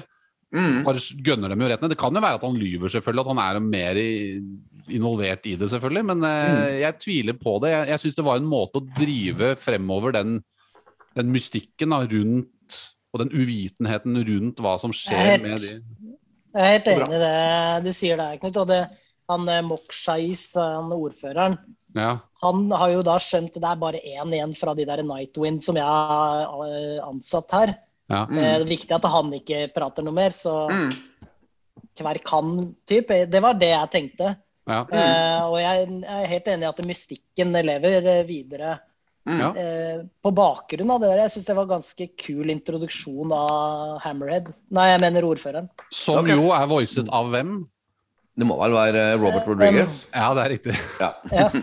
Men det, jeg stusser litt på det, for i trailerne så høres det ut som de samme replikkene er sagt av Din Jarin. Ja, jeg husker du nevnte det. Ja, så, Ja, og det høres ut som det det er det lagt på jo- de Er ikke det avkrefta? At den stemmen der er noen andre? Nå husker jeg ikke hvem det var, men Ja, jeg nei, jeg, jeg vet ikke. Jeg, bare, jeg stussa på det. For at det, det høres ut som dialogen er en annen. Den er sagt på en annen måte. Men stemmen Kanskje det er ønsketenkning, Knut? At du har veldig lyst til å se din Ja. Nei, det egentlig ikke det. Altså, jeg vil ikke ha at ting skal bli overcrowded. Det er, akkurat nå så ser jeg ikke liksom altså, Det er selvfølgelig muligheter for Mando å komme inn i dette her på, men eh, Og jeg tror det kommer til å ha noe med Mandalore å gjøre, da, på et eller annet Ja. vis. At han vil ha med Bobafett For- på et eller annet korstog der. Ja, jeg og Lars og Knut vi hadde en liten chat-samtale her forleden, dag, og da mener jeg husker at Lars skrev noe om at eh, han håpa at Din Jarin og Asuka ikke ville dukke opp i Bobofett-serien. Det stemmer om du sa det, ikke sant? Og jeg er jo fortsatt enig. Nei, jeg, jeg sa, Nei, jeg sa Luke og Asoka. Ah, unnskyld, du sa Luke, altså. Og jeg er jo helt enig da, i det. For jeg føler at de har allerede på en måte fått vist seg fram i Mandalorian. Og jeg føler også det samme om Din Jarin. Jeg ser ikke noe poeng i å pushe han inn her når det er så mye mer andre spennende karakterer. Eh, og apropos andre spennende karakterer, så må jeg jo si at um, animasjonsfilmen eh, The Clone Wars fra 2000 og, ja, 2008 den kom, kom ut, den Ja. eh, ga jo meg en veldig, veldig rart forhold til The Huts. For det kom en eh, Baby Hot, altså sønnen til Jabba, og så var det vel en homofil onkel som også dukka opp der. og det er ikke engang som stygt sagt. Zero det the Hut. ja, og så de, de har forma meg til å slite litt med framtidige hats. Og her kommer det jo faktisk fram to stykker, en bror og en søster, som om jeg forsto det riktig, var twins, søskenbarna til Jabba. Og um, før Ja, og jeg det sier hva jeg tenker, hva og føler det- du, Luke? Ja. likte du den eh, entreen til disse nye Hutt-søsknene? Hvem hvem er Luke? Er det Knut, eller er det meg? Sa jeg Luke? du sa Luke. Det er, Nei, det, det, det får du ikke gjette sjøl. I'm going to Tasha Station to pick up some power converters. Ja, ja, ja. Nei, men Knut, eh, du har kanskje litt koseligere forhold til uh, The Huts. Eller kanskje ikke, for du så jo Clone Wars-filmene for første gang Ja. i fjor, så du er kanskje fortsatt litt skada av å se uh, sønnen til Jabba og slike ting. For det, det var jo bare tull. Det ble jo ikke noe Det var vanskelig å se, tenke at det der er canon. Jeg tviler på at det er canon. Det er jo canon. Det er jo canon. du Det går helt sykt. Men Det Ja, det er canon. Ja. Men jeg, jeg, lurer, jeg lurer på um, Skal vi se ja, der, ja. Eh, jeg tror at eh, nei, altså For det første må jeg si hva jeg synes om den scenen. Vi har snakket litt om den allerede med Black Cruisanta og sånn. Jeg syns Mm. scenen var dritkul fra A til Å. Mm. Eh, og jeg syns også høttene var utrolig bra laget. Jeg syns stemmen var kul, jeg syns dialogen var bra. Mm. Eh, jeg lurer også på altså De sa det var twins, og de sa også at det er, kusi, altså at det er søskenbarna til Jabba. Det Mm. betyr at dette her kan jo rett og slett være avkommet til Zero the Hut, tenkte jeg på.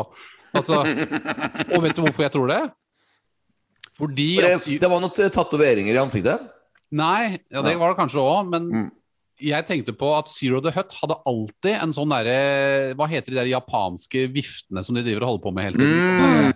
Det hadde jo hun derre da, eh, datteren, og det tror jeg hun har arvet etter sin far, Zero hadde født Den lager forresten merke til en detalj Eller, hvor de hadde eller Ja, så kan det være fordi at de, de, er så varme og de svetter så mye. Og han tvillingen som hadde litt sånn tatoveringer på underleppa, Ja. Ja. Mm. han satt og tørka svetta si med en eh, hvit Men- rotte. Ja, Ja, jeg så det. Mus eller noe sånt. Og den, jeg har sett også online eh, at det der det er visst uh, enda en ting som er henta inn fra tegneserieverden inn Ja. i canon. da. Tøft. Ja. Og for noen detaljer. Altså for noen detaljer som var i den scenen her. Du har Ja. Black Cruisanta med disse metallhendene sine og Ja. alle våpnene og ansiktet og fjeset. Du har disse høttene. En sitter med en sånn vifte og kjøler seg ned. En annen har en rotte som han tørker svetten sin med og driver og koser med. Og du ser til og med uttrykkene i den rotta. Hvis du ser nøye, så ser du at den den skriker og hoier og liksom ser, er ser redd ut i øynene og liksom Bare følg nøye med. Altså det, det er det er så mange detaljer. Det er som å feste blikket sitt på et stort maleri med 100 000 inntrykk og detaljer og vesener. og det Mm. Helt fantastisk scene. Og så er det jo helt tydelig at de da vil jo claime tronen til Jabba, og de mener at de har en rett til å ta over. Så det, er, det virker som dette her er på en måte hovedskurkene til, til, eh, til Boa Ja. Fett-serien. da. Ja. En, ting, en ting som også er kult eh, i den scenen, og eh, det er også når eh, Når uh, Tusken Raiders prater, eh, så er det jo en oversettelsestekst. Og den er jo samme font som, som scrollen på filmene. Og litt sånn gulfarge. Mm. Ja. Eh, så det er sånn veldig Så jeg fikk sånn Return of the Jedi-stemning Ja. av det. Ja. Mm. Og det er jo Return of the Jedi-stemning all over the place på ja. hele denne episoden her. Og når de, spesielt når de høttene kommer. Jeg fikk, jeg fikk en veldig return of the Altså de prøver, at Når høttene liksom prøver å kapre dette her tilbake Jeg syns det var en veldig kult grep, da. ja. Eh, og så syns jeg det var artig med ikke sant, De har snakket veldig mye om at hvis du, hvis du Bobafett, skal eh, ha rett til denne tronen Det er ingen som tar deg seriøst, for du bæres ikke på en gullstol liksom rundt. Mm. Men det gjør det jo et stort nummer ut av i den scenen her, når de kommer i, liksom, i, i eh, egyptisk eh, tradisjon, liksom. Bær, bært på en sånn svær stol Mm. eller et platå, liksom. Og så Mm. kommer det en fyr med sånn pergamentlignende eh, hologram eh, ja. sak. Det var tøft.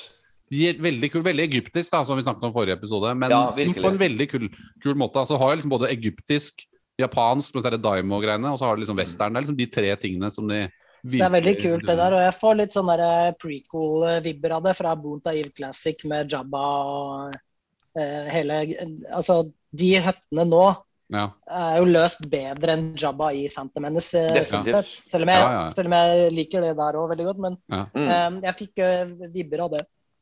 ja, Og det, det, det, det er veldig bra for um, prequel-hjertet mitt. Ja, ja, ja, virkelig. Du du er jo fortsatt den eneste gjesten vi har hatt, Lars, som uh, har eh, -Revenge of the Sith som favoritt-Star Wars-film uh, på det spørsmålet når vi intervjuer folk. Og det er artig. Det skal du ha. Det, men det svinger jo litt, da. fra uke til uke. Ja, ja, det, det, det vet jeg alt om. Det vet jeg alt om. For, for øyeblikket så føler jeg at Return of the Jedi er min favorittfilm. Forstår en som vil. Men apropos vibber og Return of the Jedi, det er også en annen originaltrilogifilm som jeg føler ref får litt referanser i denne episoden her. Og jeg snakker faktisk om Empire Strikes Back. For det er noe som skjer når den lizarden går opp i nesa på Bobafett, og litt spice i øynene. Og ja, det er veldig med Dune-referanser, men jeg føler at det her er på en måte litt sånn eh, à la Empire Strikes Back når Luke goes into the cave. Følte dere at det var noen lignende referanser?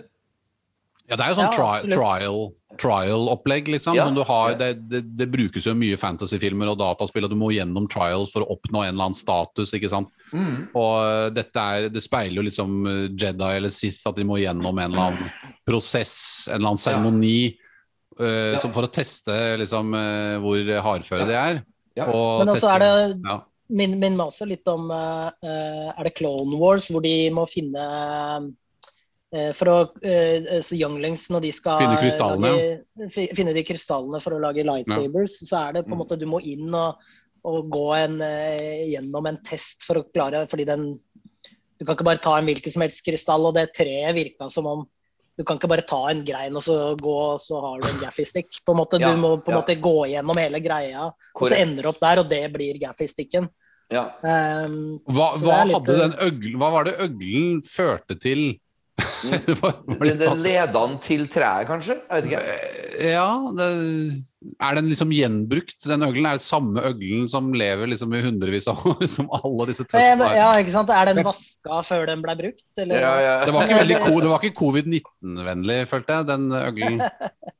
Men det, det, det som var eh, jævlig kult med den scenen, var Ja. hvordan de vevde inn flashbackene med Ja. de trialene.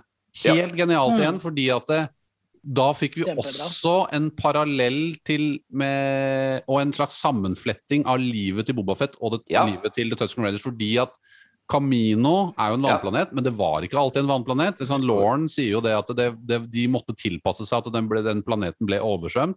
Mm. Og på Tatooine så er det jo egentlig omvendt, får vi jo vite. At det har vært Det var sannsynligvis ikke helt vanndekt, men det var mer hav, og disse Tusken-folkene levde mer av det. Og så måtte de tilpasse seg at det bare ble sand. Så når du får Ja. da de flashbackene av et oversvømt Camino, og hans liksom eh, Faren Mm. forlater han, han, han ser på en måte han, han ser sitt eget liv eh, parallelt med hvordan de har det. Ja. Og det gjør jo Ja, hans motivasjoner så genuine. Liksom. Jeg synes at det, Mm. Alt det der fungerer prikkfritt, liksom. Jeg synes det er Og det helt kan man jo også dra en, en, en, en sammenligning med, eller, mellom Omega fra Bad Batch. mm. Eh, Hvor hun eh, første gangen hun er off Camino, at hun tar på jord og Ja. Ja, Ja, For det er helt nytt, det er helt nytt for hun, ikke sant? ja. Så er Også- alfa og omega opplever på en måte typ det samme, da. Tenk, tenk, om, tenk om hun dameraideren er Omega! Ja, ja, ja, men det, at, at, at. Omega kan dukke opp You heard it here Omega, first. Kira og Solo er mine nå tre liksom, eh, prosentmessig Åh. eh, største sjanse for å dukke opp. Fortsatt også litt Maze Vindu, men det, det begynner å fade litt bort, tror jeg. Ja, Men, sånn eh, story-wise så passer den ikke inn. Ja. Nei, nå skal jeg bare skyte inn, og det jeg, nå kan jeg ikke vente på det lenger. Fordi det Nei. er så mange trandotions i den, eh, i den chatteren her at Boss, Bosk boss, boss, er nødt boss, boss, til å eh, dukke opp. da. Hvem, hvem de- sa du? Bosk. Ja, ja, ja, ja absolutt. Det, det ligger i lufta. Ja. Jeg pleier Ja, å lage fordi, torsk altså, og stappe til middag, men i dag blir det bosk og stappe. Nei, fortsett. Ja, den er fin. Men Jeg- jeg eh, fordi si, altså, de eh, trandosionsene som var med i Mandalorian, de var litt uh, Det var noe rart med de i forhold til de som de har eh, nå, og det så jeg online at det var Når jeg drev litt research, aka Ja. googling, Ja. tidligere i dag, Ja. um, at øynene er Se der, ja. Nå, nå viser Øyne- Knut fram sin eh, bosk. Ja. ja. Eh, Øynene til de nye Trandoshansene nå Ja. er eh, altså CGI, da, eller hva ja, CGI. Ja. Ja.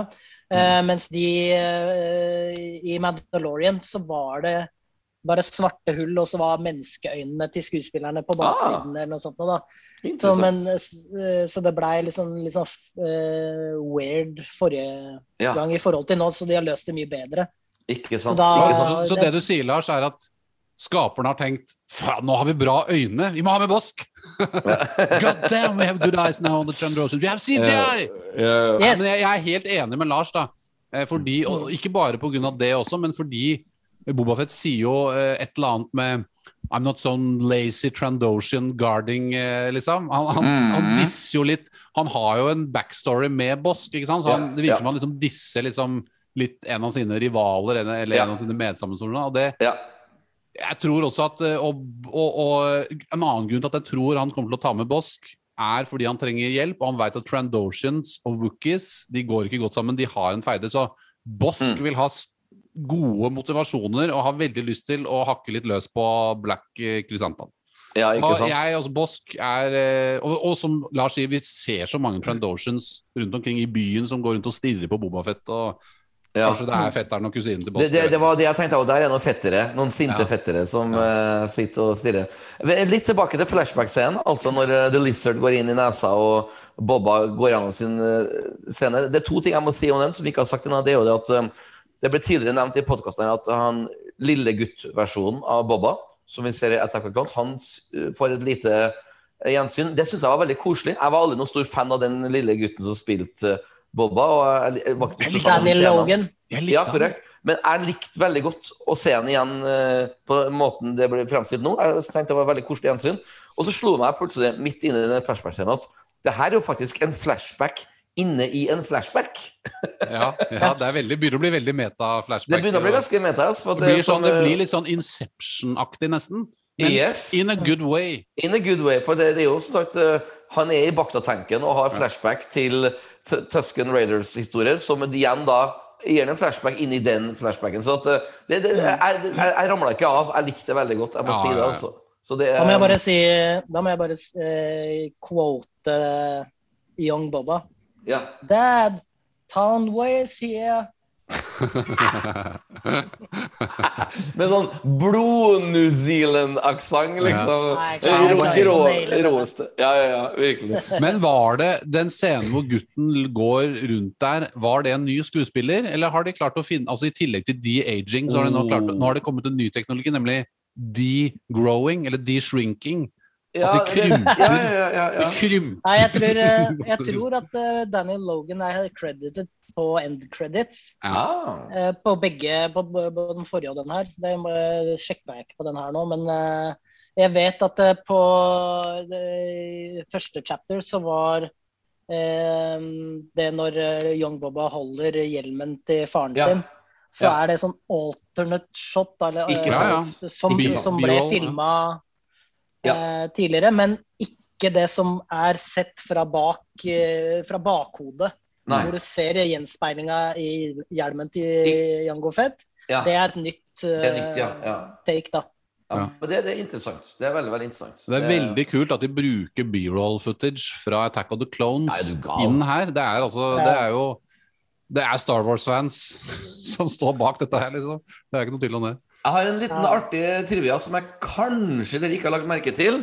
Eh, Det er kanskje det eneste tingene som dere ikke har lagt merke til. Det er rett og slett at Frog Frogdogsen fra Return of Jedi eh, dukker opp. Ja, ja, ja, ja. Og det flirer jeg på. Jeg husker faktisk på den karakteren i Return of Jedi. Det gjorde dere kanskje dere også? Ja, det er, jo, er det, det er jo den padda som Den Ja. lille scenen før R2D2 og går inn i palasset der, så er det en sånn frosk som sluker i seg noe Så det var, det, det, det var artig at det var et kjent, et kjent creature. For den, det, det monsteret som var med i forrige episode, som så ut som den kom rett fra Mortal Kombat 2, den var ikke Eller Pokémon. Ja, eller Pokémon. Ja, jeg ble ikke så fan av den, for jeg følte uh, Uten å begrunne eller uten å klare å begrunne så følte jeg at den ikke var så veldig Star Wars-ish, det monsteret. Jeg følte jeg, jeg følte jeg så på noe annet. Jeg vet ikke hvilket forhold du fikk til det monsteret, Lars. Altså, Lars har vel en venn som skal cosplaye som den ja, snart. da. To stykker inne i samme drakt. Ja, ja, ikke sant? Nei, eh, um, det- ble vel nevnt nevnt Harryhausen Ja, stemmer det. Eh, Stemmer det. på det um, monsteret der. Ja. Um, It kind of rubbed me the wrong way. Ja, ja. ja, eh, jeg skrev en eh, liten sånn notat på det, men jeg husker ikke om jeg finner den.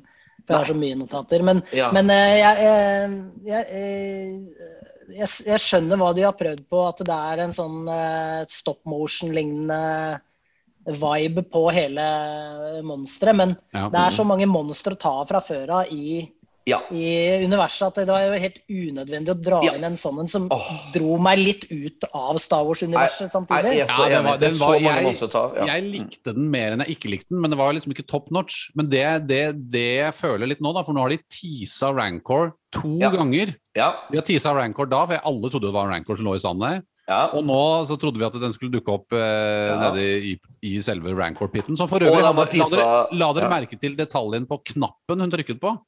En sånn Rancor-munn. Rancor-knapp. Ja, det var en Rancor-knapp som vi ikke vi så i Return of the Jedi. Ja. Altså, Det var jo så kult. Altså, det, var, det, var, det lyste litt rødt inni der, og så var det liksom å trykke på den. Da var det Rancor feeding Ja. time. liksom. Og så var det Nå kom jeg på det Harry Harryhausen eh, Ja. Har litt ja, følelsen av ja, jeg, jeg bare skulle bare eh, konkludere med at jeg har litt følelsen av at de har tisa så mange ganger nå. To ganger. Det er ikke så mange ganger, da, men Jo. det kan komme flere teaser. Jeg tror det kommer til å eh, liksom eh, lede oss mot en scene hvor det faktisk kommer en Rancor når, Ja, vi, ja, ja, ja. når vi minst venter det. Hva heter Ja, den? vi- eh, Moochie? Var det det? Den lille Ja, Muchi. Jeg har også begynt å tenke på Er det Moochie? Men det er jo egentlig en tredje tease der, som Knut sier. Altså det, er- det, det, til og med i Bad Batch så teaser man Rancor. Så at Ja. um, Men, det eh, men ja. den, dere nevnte i forrige eh, episode av podkasten deres at eh, Boba tok jo rotta på, på det der Harryhausen-monsteret på samme måte som Leia drepte Jabba. Mm, mm. Ja. Eh, og bare sånn liten sånn side note. Det er jo også på en måte samme som eh, Anakin eh, Ja. gjør på det der eh, trehornede monsteret i Battle of Genosis. Ja, ja, ja, ja. ja. Det er Altså, sant. der eh, hopper han unna og tar kjettingen rundt og rir på den. ja. Eh, vet dere forresten Også- hva den arenaen heter? I Battle of Genosis. Oh, bra spørsmål. Bra spørsmål. Kjør, på, Lars. Petranaki Arena. Oh, det visste jeg ikke. Det var, det var nytt. Det var Men det, Det som var- er interessant også med det som jeg glemte å si i forrige podkast, men at det er en parallell mellom Leia og Bofet, er jo det at En liten tilleggsinformasjon der. Leia dreper jo Tar jo livet av en crime lord med kjetting, mens Bobafett tar jo livet av et monster med en kjetting for å bli den nye crime lorden. Ja. det også synes jeg er litt poetry. It rhymes. Mens, mens Anakin han bare rir på et monster fordi han er bare lord. Ja, ja, ja, ja, ja. Det likte jeg også veldig godt. Vi har jo ikke snakket så mye om humoren i denne episoden, og jeg syns humoren var spot on Ja. hele veien. ja. Eh, for eksempel også, mange kanskje ikke syns Det er kanskje noen som ikke liker det så godt, men den scenen hvor Som også rimer litt tilbake til eh, Mando og Quill som overrir på disse blurgene. Ja. Så har, jo, eh, så har vi jo en liten sånn A-team-aktig scene med Bobafett og, og Sand People, hvor han skal lære Ja. dem speederbiking. -hmm. Eh, og når han sitter oppå der It's like a banta! It's like Ja. a banta! ja. Jeg digga det. Og eh, det var flere andre scener i løpet av episoden som, hvor humoren satt skikkelig bra. Den Ja. lille droiden inne på toget, for eksempel, som stikker av. ja, ja, Og ja. bare setter på sånn destruction mode og bare Og så bare fyker eh, ut Ja. og stikker av. Og så liksom. har du eh, Fenix Chance, som gjør narr av dere ninjafolket sitt eh, kallenavn. Og, rank, og Rancor-scenen Ja, ja, ja. er jo Ja. også veldig morsom. Så jeg syns at Star Wars-humoren humoren her treffer overalt. Den er både noen Jeg er steder hvor litt den er mer uenig der. ja. Ja. Det kan, kan jo være noe jeg har glemt. Kjør på. Ja, nei, det, altså, det er bare forskjellige Vi mennesker er forskjellige, så det er bra, det. Men Ja. det er akkurat han der resepsjonisten til The Mayor, Ja. Den, den, han dro meg veldig ut av universet. Ja. Og da fikk jeg litt sånn der Ja. Poe Dameron uh, You speak first. Da, Jeg- you speak jeg- first, jeg er uh, så enig. Den er jeg enig i, faktisk. Og den glemte jeg nå. Den Ja. er jeg litt enig i. Den er, den er message litt from your mother. Ja. Ja, den, den var litt sånn uh, dårlig. Og også han s- som kommer eh, eh, Han derre Twi'leken. Han drar meg altså ut av universet. Ja. Samme som han blå fyren i første episode av Mandalorian. Åh, han dro meg ut. Han dro meg ut. Ja, ikke sant? Det blir ja, det er sånn- veldig artig. Vi er veldig enige, Lars. Ja. ja. Det er, Ja, det er veldig sånn subtil greie. Ja. ja, jeg er enig. At, eh, så, men la oss si For meg, da. 90-95 var spot on. Men den, jeg er enig med han der resepsjonisten. Ble litt sånn, akkurat som det Monster episode 1, litt sånn u-Star Wars-ish. Ja. Litt sånn derre Det minte meg også litt om den soloscenen når Ja, Solo får si navnet det. sitt. Med han Ja. derre Solo. ja. Solo. Ja, men det, en det sånn blir fyr sånn, som Hva heter det? Fourth uh, Ja, fj- fjerde Fourth Wall. Altså, Ja, for du føler at det er en skuespiller som er med i Star Wars-universet, Yes. som, som, som ikke vet at han er med Ja. i Star Wars-universet. Det blir veldig meta, det òg, da. Ja, det blir men veldig meta. men Det er jo det jeg føler. Jeg føler at det liksom, jeg kunne sittet der og Og så har jeg aldri møtt Bobafett før i hele mitt liv. Bobafett, så, så blir det litt sånn derre Hvorfor skal vi gjøre narr av det? Det er jo bare Alle må jo vite hvem han er, på en måte. Det Det, det er sånn veldig artig, for at uh, jeg er jo 100 enig med, med Lars. For at uh, I den originaltrilogien så var det aldri noen sånne upass... Altså, det var vitser da òg. Sånn 'Everything's fine here. How are you?' og sånne ting. sant? Men det var på en måte fortsatt inne i un universet. Det var ikke uh, utafor. Og det har skjedd etter Disney kom inn. Uh, sånn som du kom med eksempelet med 'Who you speak first, you speak first'. Jeg lo litt av den scenen, men jeg husker jeg tenkte oi, herre ble litt sånn Ja, jeg også liker ikke den scenen i Force Awakens hvor han Who speak first. Og, who- jeg syns den Ja. er også litt Ja, hvor han sånn kaller det General Hugs istedenfor General Hugs. ja. Ja. Den scenen i Last Jedi er jo også helt eh, den, Ja, er, den, den, jo, eh, den er jo cringy, liksom. Den er jo Ja. sånn Da sitter jeg virkelig liksom og ja, detter av Ja. stolen liksom og hakker Ja. tenner. Men, Og han, men, men de, de andre tinga er jo bra, da. Sånn med, som du nevnte med It's Like a Banta med Ja. Bobba. og Altså det der med It's Empty fra Fennec Shand og altså, sånne ting. Det er, Ja. Fordi det er in universe. Korrekt. Og det, korrekt. Det, det, det liker jeg veldig godt. Og den droiden på toget, ikke sant? Den er, det er en ganske ny type droid. Jeg kan i hvert fall ikke huske at jeg har sett den før. En slags lokomotivdroid. Ja, og ny for meg en kjempefin ny edition, og masse humor rundt hvordan den holder på inni der og trykker med armene sine og setter den på en sånn self-destruct-aktig mode og bare stikker av, liksom, som en sånn feig Ja. eh, Audio Description kalte den droiden for Engineer Droid. Ja. Det, en, en, en annen artig ting som jeg har notert meg her, for å så vidt egentlig min siste sånn ordentlig notat, uh, før vi skal bare skrive ut og prate om alt mulig rart, det er altså at, at Tamara Morrison, skuespilleren som spiller Bobafett, i forrige podkast så skrøt hun av at han, han har virkelig trent det siste året og ser veldig flott ut. Men det jeg noterte meg i episoden her, er at han faktisk spiller ganske bra. Han er veldig til stede. Han, sånn som når Knut nevnte at han sitter oppe på speederbiken og prøver å forklare. Det er ganske bra altså Nå har jeg vært veldig inne i skuespilleruniverset de siste to månedene, så jeg er på en måte helt sånn mm. tunnel vision inn i jobb med skuespillere. Men jeg merker at han, han, han gjør jobben sin. Altså han, han er til stede. Det var noe jeg egentlig nesten ikke forventa, for jeg har aldri vært overbevist av, av han som en stor skuespiller. Men han, er, han har gjort hjemmeleksa si. Altså, jeg, tror han skjønner at det her vil være hans legacy. Når han går bort, så vil folk huske på han fra The Book of Bobafett. for Ja, hva, hva heter den filmen han spilte fra New Zealand før eh, Åh, den Once er bra. we were, Once We Were Warriors. Den er kjempebra. Ja, han- men, men det er veldig typecasting. Da. Han spiller egentlig bare sint, hvis du skjønner Ja. hva jeg mener. Uh, ja, men Han det er seg veldig- sjøl. Ja. Han er seg sjøl, og det var det den filmen George Lucas så, og tenkte Mm. det der er Boba Fett. Sånn ser Boba Fett ut, liksom. Og det, type- den ja. scenen inne på uh, Toshi Station, der Ja. kommer det skikkelig godt fram. Ja. eh, Ja. Det Ja. derre uh, maori-temperamentet hans. Men Ja. jeg vil bare adressere uh, Tamora Morrison. Ja, eh, fordi han har blitt kalt for Blobba Fett. ja, ja. Fordi han er en større versjon av hvordan Boba Fett var ja, før. Ja. Ja. Og altså, sånn derre bodyshaming på et nivå som er helt latterlig dumt. ja, ja Fordi ja, hvis, du skal, hvis du skal si at Tamora Morrison som en 61-åring ja, er feit, ja, jeg vet, jeg vet det. da da sliter du med, med syn på, på, på kroppsbildet. Fordi det er altså Ja. et kjempestort problem med spiseforstyrrelser rundt omkring i Ja. verden. Ja. Blant barn og unge. Og at man skal begynne å bodyshame han og de her Gamorian guardsene. Eh, Ja. det, det, det blir bare helt latterlig. Jeg vil bare si det, fordi Temora Morrison han er 61 år. Ja. Det er ikke så veldig mange på hans alder som kan gjøre det han gjør. Nei, Og på jeg vil- samme måte ja. som uh, Fennek Shand, som var rundt 58. Ja, jeg, jeg vil jo så klart si meg 100% enig, og jeg føler jo meg så klart litt skyldig i å ha vært med og nevnt det. og I mitt forsvar så kan jeg jo si bare at det, det bildet jeg hadde sett for meg Karakteren Boba Fett kom til å være i, eh, når han dukka opp i Mandalorian, var en litt tynnere versjon eh, enn det Hvorfor Tamara Morrison. Men, men jeg, jeg tar absolutt til det, meg kritikken.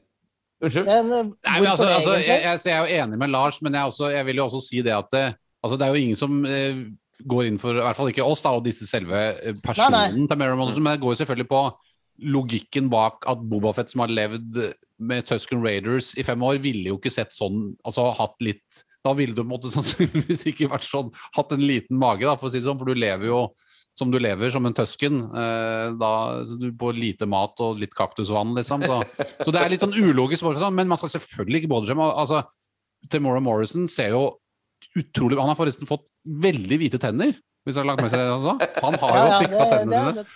Eh, Så, så eller- te- driver med sånn teeth-shaming tann- er lov. tann- Ja. Ja, tannshaming. Nei, men det er jo ikke tannshaming, det er Ja. Glorifying.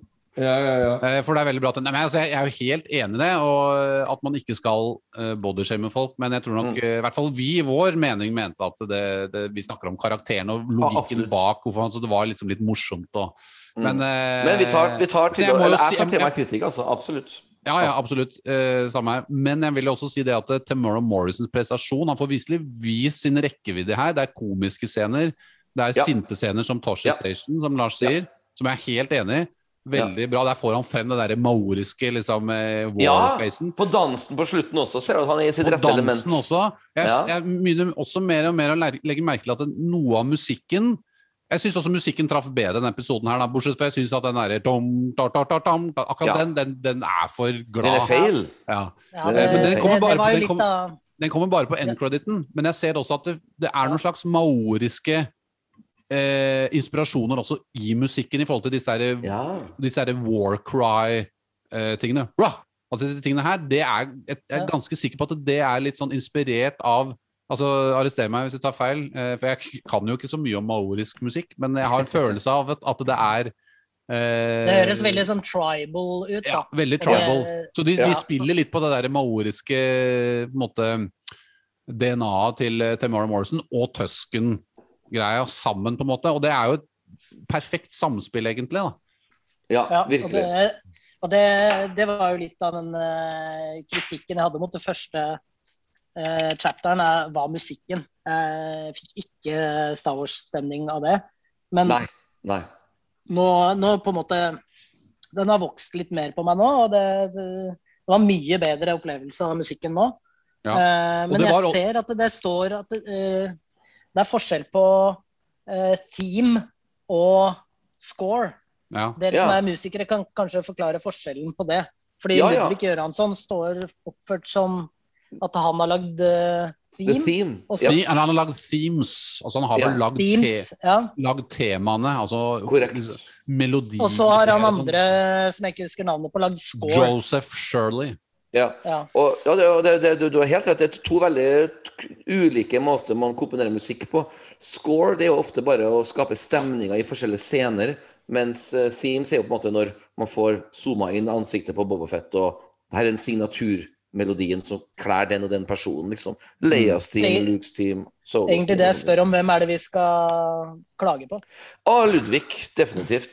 Det er jo, det er jo mye av hans sound her. Ikke sant? Du hører med, med mye av eh, disse elektro elektroniske tingene som ligger bak og sånn. Og den liksom kreativiteten i lydbildet er, veldig, er jo veldig unikt, selv om det kanskje ikke traff så veldig mesteparten for så vidt i, i episode én. Men Mm. jeg vil jo si at uh, episode to nå så har du jo flere actionscener hvor han får spille mer på det derre suggererende, elektroniske, litt mer hissige lydbildet. Og det Ja. også hjelper jo litt, da. Eh, For det var min, I episode én så var det, den var, hadde jo et mye mer lavere tempo. Det var mye flere scener hvor det gikk sakte, og det var ikke noe dialog. Og så var det bare musikken. Da fikk musikken en veldig større spillerom, og da legger du ofte mer merke til den derre uvante sounden og temaene som den hadde, som det var også Ja. mer av i episode én. Mens Ja. her i episode to så var det mer actionscener, mer sånn Kanskje mer score-musikk og mer sånn underliggende ting uten Ikke masse sant. utbroderte temaer og sånn som bare lå og pumpa i bakgrunnen og liksom kjørte på. Så jeg følte at det egentlig var bare i den uh, outro-musikken at jeg syntes at det, Ja. det var litt sånn cringy fortsatt, da. Men den er jo bare der, så Ja. den, den We're stuck Men det er with jo- uh, Ja. Og det, det er jo sånn at vi, vi kan jo ikke forvente at det er John Williams-musikk på alt av Star Wars som kommer, for han kommer jo til å forsvinne etter hvert. Så Ja. det, ja. det å gi en sånn oppgave til en person, og det å få en oppgave som Ludvig Göransson har fått, er, det er ganske massivt. Og det, eh, John Williams har ikke eh, det er, liksom det, er, det er jo forskjell på standarden eh, på hans sine ting. Og det var på et tidspunkt hvor han lagde musikk for både Star Wars og Harry Potter samtidig. Ja, ja, ja. Vi kan Ja, ja. godt diskutere hvor forskjellene ligger, eller likhetene. Ja. Så, så det, ingen er feilfri. Og, Nei, nei. og, sånn, og det, Ja. det blir spennende å se framover hvordan man Der- blir liksom du til det, nøkkelord. Ja, du sa nøkkelordet der, Lars, å se framover. Men da, jeg kan ta det bokstavelig talt. Det det blir spennende å se framover. For at det er jo fem episoder igjen nå, og dere må ikke se bort ifra. Nå, nå skal jeg si noe som, som dere kommer til å tenke Nei, det går ikke an. Men eh, jeg jobba mye på teater i det siste, og det som har vært kult med den musikalproduksjonen jeg har vært med på, er at eh, regissøren har også skrevet musikken. Eh, og når vi da fikk litt eh, klager på premieren på at den og den låta var litt feil, sånn og sånn og sånn, da gikk han rett tilbake til bandet og forandra ting og tang til andre og tredje og fjerde forestilling. Og dere må ikke se bort fra at det også er mulig i TV-verdenen, at Ludvig Jørgensen kanskje rett og slett får litt budsjett til å forandre litt på theme-låter og sånne ting, og gjøre det litt tøffere i de neste fire-fem episoder. Det kan hende, mest sannsynligvis ikke, at alt er kanskje ferdig ready set print, men det er faktisk mulig også i TV-verdenen at man kan eh, ta, inn, ta imot kritikk og forandre på ting. Eh, mens, det, mens etter altså, Se tilbake på Nissene på låven med Espen Eckbo. De forandra på ting daglig når, de uh, merka Ja, ja. kritikk og sånne ting. Så det er mulig å redigere og fikse. Hva tror du, Knut? Tror du det er en eh, realitet? Du som er komponist sjøl? Nei. Nei, tror ikke det, det det, det er jo Jeg tror ikke det kommer til å skje. ikke. Ikke på theme-musikken der. Altså, jeg, Nei. Jeg håper jeg har rett. altså, når det er, så lenge det er bare i theme-musikken på outroen, sånn, så har, spiller ingen rolle for meg at det er noen rare ting. Jo, jeg, det plager meg litt, faktisk. Jeg var sånn Jeg tenker, heller at de, jeg tenker heller at de forandra det fra chapter 1 til chapter 2 med at å, ja, vi har fått så mye klager på at vi bare vi må legge den bare på end credits, liksom. Dette har, ah, bra, bra, bra, bra forslag. Bra det, kan, det kan hende, og de har jo screentesta dette her før dette har blitt eh, lagt ut på Disney Pluss, og folk Ja. har sikkert kommet og har jo sikkert sannsynligvis Ja. kommentert det, Ja. vil jeg tro, og de har kanskje gjort mer endringer, som Lars sier også, som vi ikke veit om. Da, så. Men, men det er, altså, jeg vet at vi har om det her tidligere, så jeg skal prøve å ikke repetere det, men det er veldig interessant altså, at når vi alle sammen satt og, så første episode for, eh, for åtte dager siden, og når eh, serien begynner å bli ferdig, og så kommer den Ronny Røverdatt-låta, og alle reagerer. Oh, det her var ikke Star Wars. Det er akkurat Ja. som at vi vet hva som er Star Wars. Vi kan ikke putte fingeren på det, Ja. men vi kan definitivt putte fingeren på hva som ikke er Star Wars. Her det er litt Lars- forventa òg, fordi at det, Mandalorian var ganske nyskapende, eller veldig nyskapende musikk, Ja. ikke sant? En- Men det var Star. Wars. Men det, det var Star Wars, men, men vi brukte noen minutter på å bli vant til den også. Vi Ja, om det litt seg, men da sa, Ja. vi, da sa vi Det var litt uvant, men vi ble vant til det med en gang, og det var veldig bra. Og så kan du jo se for deg, når du da er skaperen og komponisten bak, at du, du, du er vant til å være nyskapende. Det var det du ble liksom hyra inn for å gjøre. Og så kanskje strekker du strikken litt for langt, du prøver noen nye ideer. Du er inni din egen boble, og så, så, så kan det gå litt langt. Men så, Mm. så, så det, er, det er sånne ting som kan skje, men det, jeg vil tro at det, det er noe de tar lærdom av og retter opp til det neste show. Eh, Vi vet jo ikke hvem som skal skrive musikken Kanskje til han- og, og Kanskje han gjorde det så bra eh, på Mandalorian at han fikk beskjed om at det var så bra, så suksess, at du bare gjør hva du vil. Ja, Vi Ja. stoler 100 på Ja. deg. Og så ble det Ronja Røverdatter. Det ble liksom. eh, Ronja-shaming. ja, ja, nå ja. Men gutter Men vi må også snakke om eh, Jeg må også nevne da, at eh, regissøren her var en ut- relativt ukjent blad. Eh, for at det, hun må vi jo skryte av. Steff Green. Ja. Hun står bak bl.a. Uh, The L-Word, som jeg ikke har sett. Watchmen, Jeg har sett The L-Word, um, Og og, og, fått- det, det er faktisk ganske bra. Og Watchmen TV-serien Ja, har hun også, også gjort det. regi på. Jeg har sett bare noen episoder av det. Den var, virka veldig lovende. Jeg har aldri fått Ja. fullført, den, full, fullført den. Veldig sofistikert, Og- veldig voksent. Ja. Ja, så hun er, ikke noe sånn, hun er jo ikke kjent for de fleste, men her synes jeg hun absolutt Her har de brakt inn noe ordentlig bra talent som har gjort jobben solid. Altså. Ja. Og jeg synes Flink TV-regissør. Ja. Uh, apropos The L-word, så kommer jeg tilbake til eh, en ting som ble nevnt i forrige podcast-episode. At det var Jessica Biel som spiller Garza Whip. Og det er ikke Jessica Biel, Nei. det er selvfølgelig Jennifer Beals. ja, og Som der, der beklager jeg. Jeg tror det var jeg som sa feil. Ja. Nei, det var han Uh, Ja, det var det, vet du. Det var ikke meg, vet du. Stemmer det. Det var han. Nei, ja. nei, Jennifer. Beals. Ja, jeg har fått det. hun spilte også i- ja. Ja, hun spilte selvfølgelig i Flashdance, men hun har spilt også, Også- i The L-word. Eh, Elvira. Fantastisk Mm. skuespillerinne, faktisk. Jeg er, er sånn ubevisst fulgt av helt siden 80-tallet. En veldig vakker, flott uh, dame. Og, Ja, altså, det er en av de første gangene jeg så Breaking, eh, var jo i Flashdance i Ja. There you go, there you go. Men du har helt rett. Jennifer Beals uh, til alle lyttere. Uh, Google her. En fantastisk dame som har hatt karriere i over 40 år. Og det er lov til å si, hun ser så flott ut i dag i dag at hun passer inn i Twilek-tradisjonen som uh, De som virkelig holder seg uh, fresh. Det er lov til å si Mm. uten at det blir en shaming. Det er lov til å si. Ja, det er lov til å si. Ja, for hun er virkelig en flott dame. Det er uh, Usedvanlig vakker dame som jeg ble veldig glad for at fikk høre at hun fikk være med i en Star Wars-serie. Og det er litt artig, for det var jo sånn i Mandalorian også. Du vet han uh, bokseren i Rocky 1 og Rocky 2, altså Creed, jeg glemte plutselig navnet på skuespilleren, plutselig får en nesten en renessanse i Mandalorian.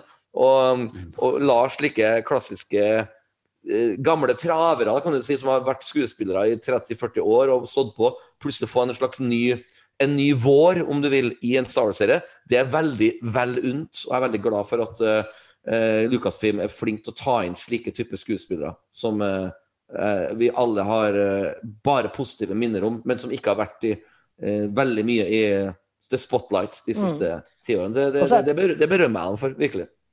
Ja, og så er det jo ganske kult hvilken karakter hun har fått. Altså Ja. Garza Whip, som er litt sånn vanskelig å si, Ja. er eh, liksom Det er ganske kult å ha en sånn type Twilight-karakter Ja. som driver da det, Hva heter det? The Sanctuary. Ja, Som ja, ja. ikke er sånn der grimy, gritty sted, egentlig. Nei. Og hva er det som egentlig skjer der? Ikke sant? Der er det veldig mye mystikk rundt det greiene. Hva er det hva, relasjon, hva kan relasjonen mellom Bobba og hun bli? Eller er det Oh. noe annet der? Eller? Så Jeg, jeg tror det kan bli noe romantisk, for du så hun tok si, hånda si på armen hans i første episode. Mm. Litt sånn erotisk. eh, Og det, det har bare vært gøy, det, hvis det har blitt litt, blitt litt kyssing og romanse Ja, altså i Star Star men Wars. det er kult at hun ikke bare får en sånn der cameo, bare, men at det er Nei. faktisk kanskje noe law som blir eh, lagd her, da. Ja, jeg Jeg, tror, på at jeg tror mer at Boba Fett kommer til å få et forhold med hun derre Eller få en slags, i hvert fall ikke nødvendigvis et eh, kjærlighetsforhold eh, med hun tøskendama, men at hun, han får en slags følelse for henne. Jeg tror også Ja. at det kommer til å bli Det glemte jeg å si i stad. jeg kommer til å også Det som har skjedd i fortid med The Sand People, er ting som kommer til å ha, få noen implikasjoner for hva som skjer i nåtidshistorien. Og jeg tror det kommer til å bli noen tap av viktige karakterer av de Tusken-folka. altså Enten om det er hun dama, eller om det er høvdingen, eller sønnen til høvdingen. Det kommer Ja. til å være et eller annet tap som gjør Ja. spenningen og liksom konsekvensene Det- store, da. Det er veldig artig Ja. at du sier, Knut, for det skulle være mitt neste spørsmål. For at jeg tror da at um, når vi ser Bobba dukke opp i eh, episode én av sesong to av Mandalorian Du vet, du ser den liksom de siste tre sekundene av den episoden. Da er han jo i Sandpaper Climb, han går alene. Og neste Ja. gang vi får se han, så dukker han opp alene. Og nå er han også alene, alene i den meninga at han ikke er sammen med The Tusken Raiders lenger. Ja. Det må ha skjedd noe. Det jeg vil tro at de var liksom Nå skal du ut og walk the earth like Ja. Kane in kung fu. Altså, sånn, liksom sånn, Ja. Nå skal du ut og jobbe for oss, men du skal gjøre det på egen hånd. Så, fordi jeg tror jo så klart at når det blir en ordentlig sånn battle i siste episode, episode sju, så vil jo øh, 500 Sand People komme Ja. to the rescue og, og slåss. Ja, ja, Sammen med det, Bobba. Det er veldig mulig at Boba kommer til å bli eh, Han kommer til å tape en eller annen kamp. Ligge liksom nær Det kommer til å kanskje Ja. komme en scene hvor de kommer og redder han fra en liksom umulig skjebne. da Mm, mm. Uh, og, um, og The Tusken Raiders er jo um, er uh, Jo, jeg, som du sa i stad, altså jeg tenker at de Grunnen til at han har dratt fra dem, ja. er veldig mulig, sånn som du sier, at de vil at, de skal, at han skal tale dems sak på Tatooine, ja. forbedre dems forhold. Yes. Og Yes, derfor har de liksom kommet til en ene om at ok, du drar, du fikser dette her, og vi står klare til å hjelpe deg, liksom. Yes, Et eller annet sir. sånt, da. Men det er klart, Ja. det er ganske mange Nei. år, da. De snakker vel fem år til Ja. nåtid fra Return of the Jedi, fra Ja. de redder han i Sarlak-byen. Um, Men eh, nå snakker vi jo litt om, eh, om hva, hva er egentlig grunnen til at Boba Fett vil ta over et crime Ja. syndicate. Hva, er, hva er egentlig grunnen til at han Hvorfor vil han overta tronen etter Big mm -hmm. Fortuna? Hva er grunnen til det? Bra Ja, spørsmål. han, det er jo fordi han ser urettferdigheten og sammenligner seg selv med sandfolkets skjebne, med disse flashbacksene med hav, sand og alt det greiene her. Da. Det er sånn jeg foreløpig tolker det, i hvert fall. Ja, ja. Ja, for det, det er jo det som er eh, oppe for tolkning, da, eh, Ja. sånn jeg ser det. Ja. Og det er jo en veldig interessant tanke. Liksom, hva, hva er det egentlig han ender opp Ender han opp med å forbli en ond, kjip eh, bounty hunter, eller blir han ha en kjempesnill fyr som blir den eh, elskede lederen på Mos Espa eh, Ja. som får eh, alle Sand People inn i samfunnet For- for- igjen, eller hva er Ja. liksom hva er det ultimate goal for Boba Fett i den serien her? Ja, og det, det, det her er et kjempebra spørsmål. For at er det noe disse to første episodene har vist oss, er at de er på å bygge opp en historie som handler om akkurat det vi tre snakker om akkurat nå.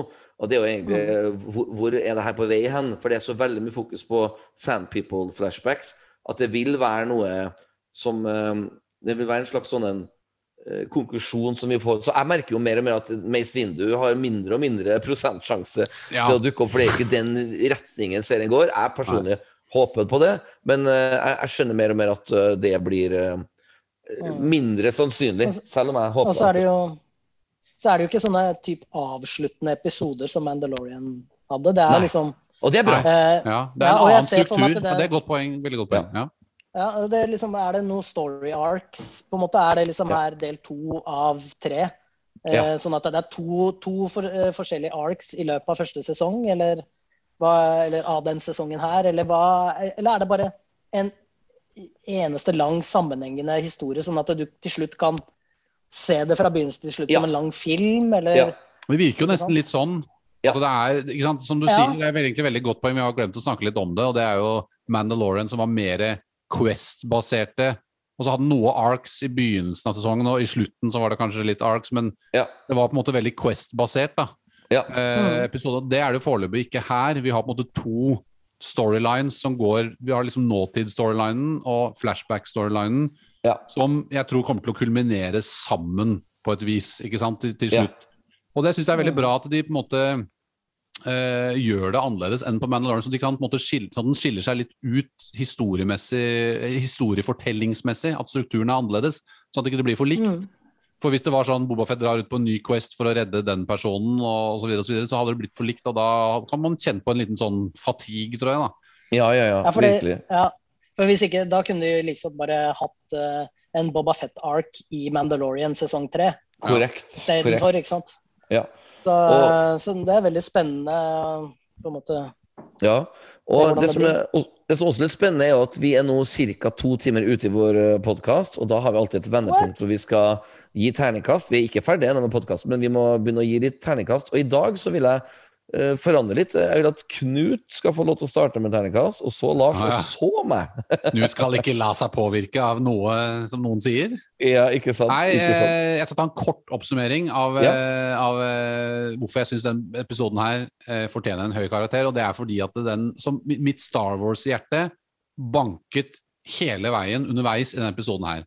Eh, de store linjene er der. eh, Spenning, humoren er 90-95 Det er høyoktans actionscener. Spesielt togscenen. Du har mer intime barfight-scener eh, med, med Boba som liksom får fram hans nærkampegenskaper.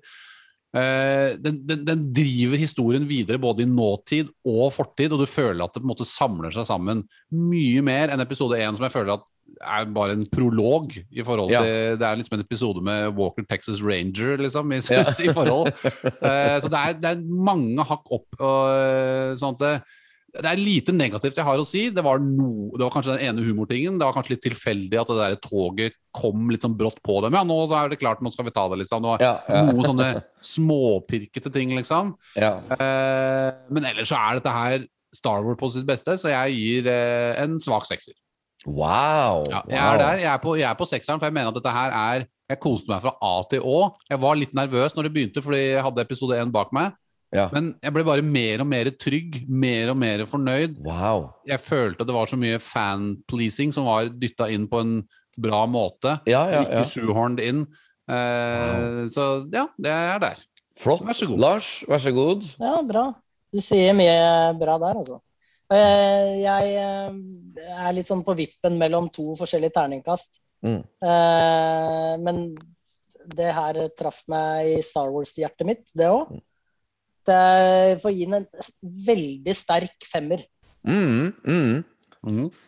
Det, det er litt artig, skjønner du, for at jeg har Og det er, og det er begrunnet, altså, grunnen til at det ikke ble en sekser, det er for at Bosk ikke var med.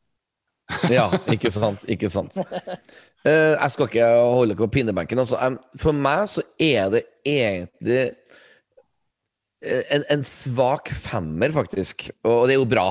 Altså, Ja. fem er bra, og, men svak er fordi at em, det, det, selv om det var mye pleasing, så var det ingen sånne store sånne wow-øyeblikk.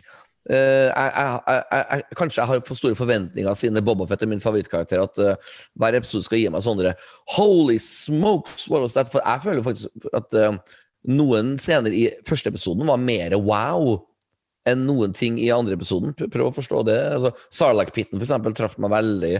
Eh, da, jeg, da hadde jeg sånn terningkast seks i øynene mine, sånn VG-logoen i begge øynene mine. Bare skint.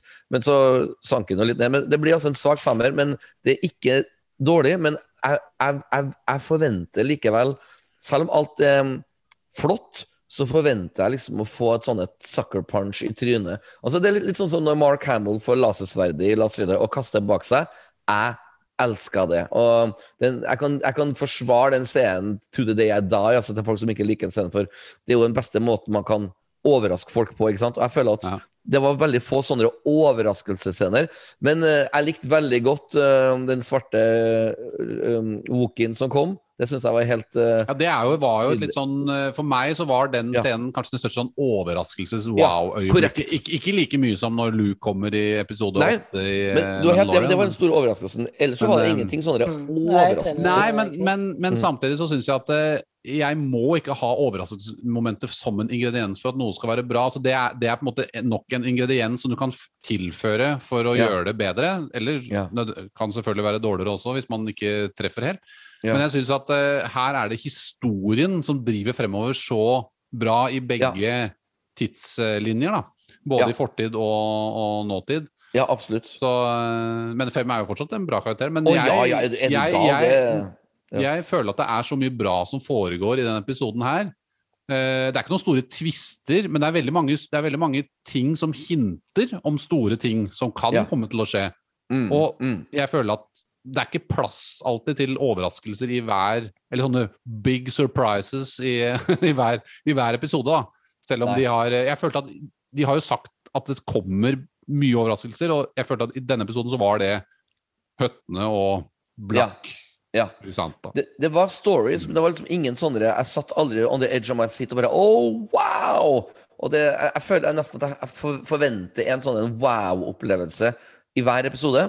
Og det, det, er derfor det ikke ble sexy, for det var egentlig ingen stor wow-opplevelse. Torshid Station, kult fanservice, men ikke noe wow over det. Så at, men det, det Ja, men, jeg som ja. krever veldig mye av min Star Wars. Ja, altså, det er ikke wow i forhold til overraskelser, men jeg syns det var wow i forhold til kvaliteten på historien Ja. og, Ja.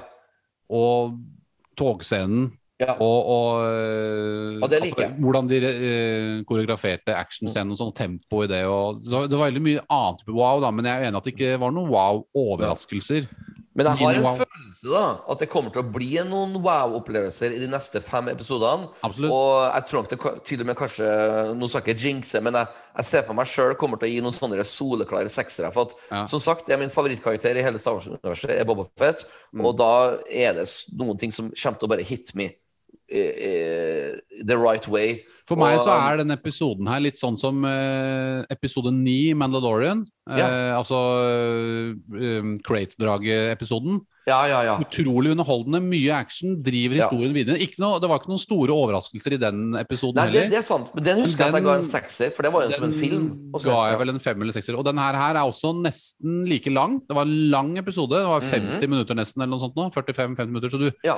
du følte virkelig at det, de kunne ha stoppet etter den actionscenen en, en dårligere serie.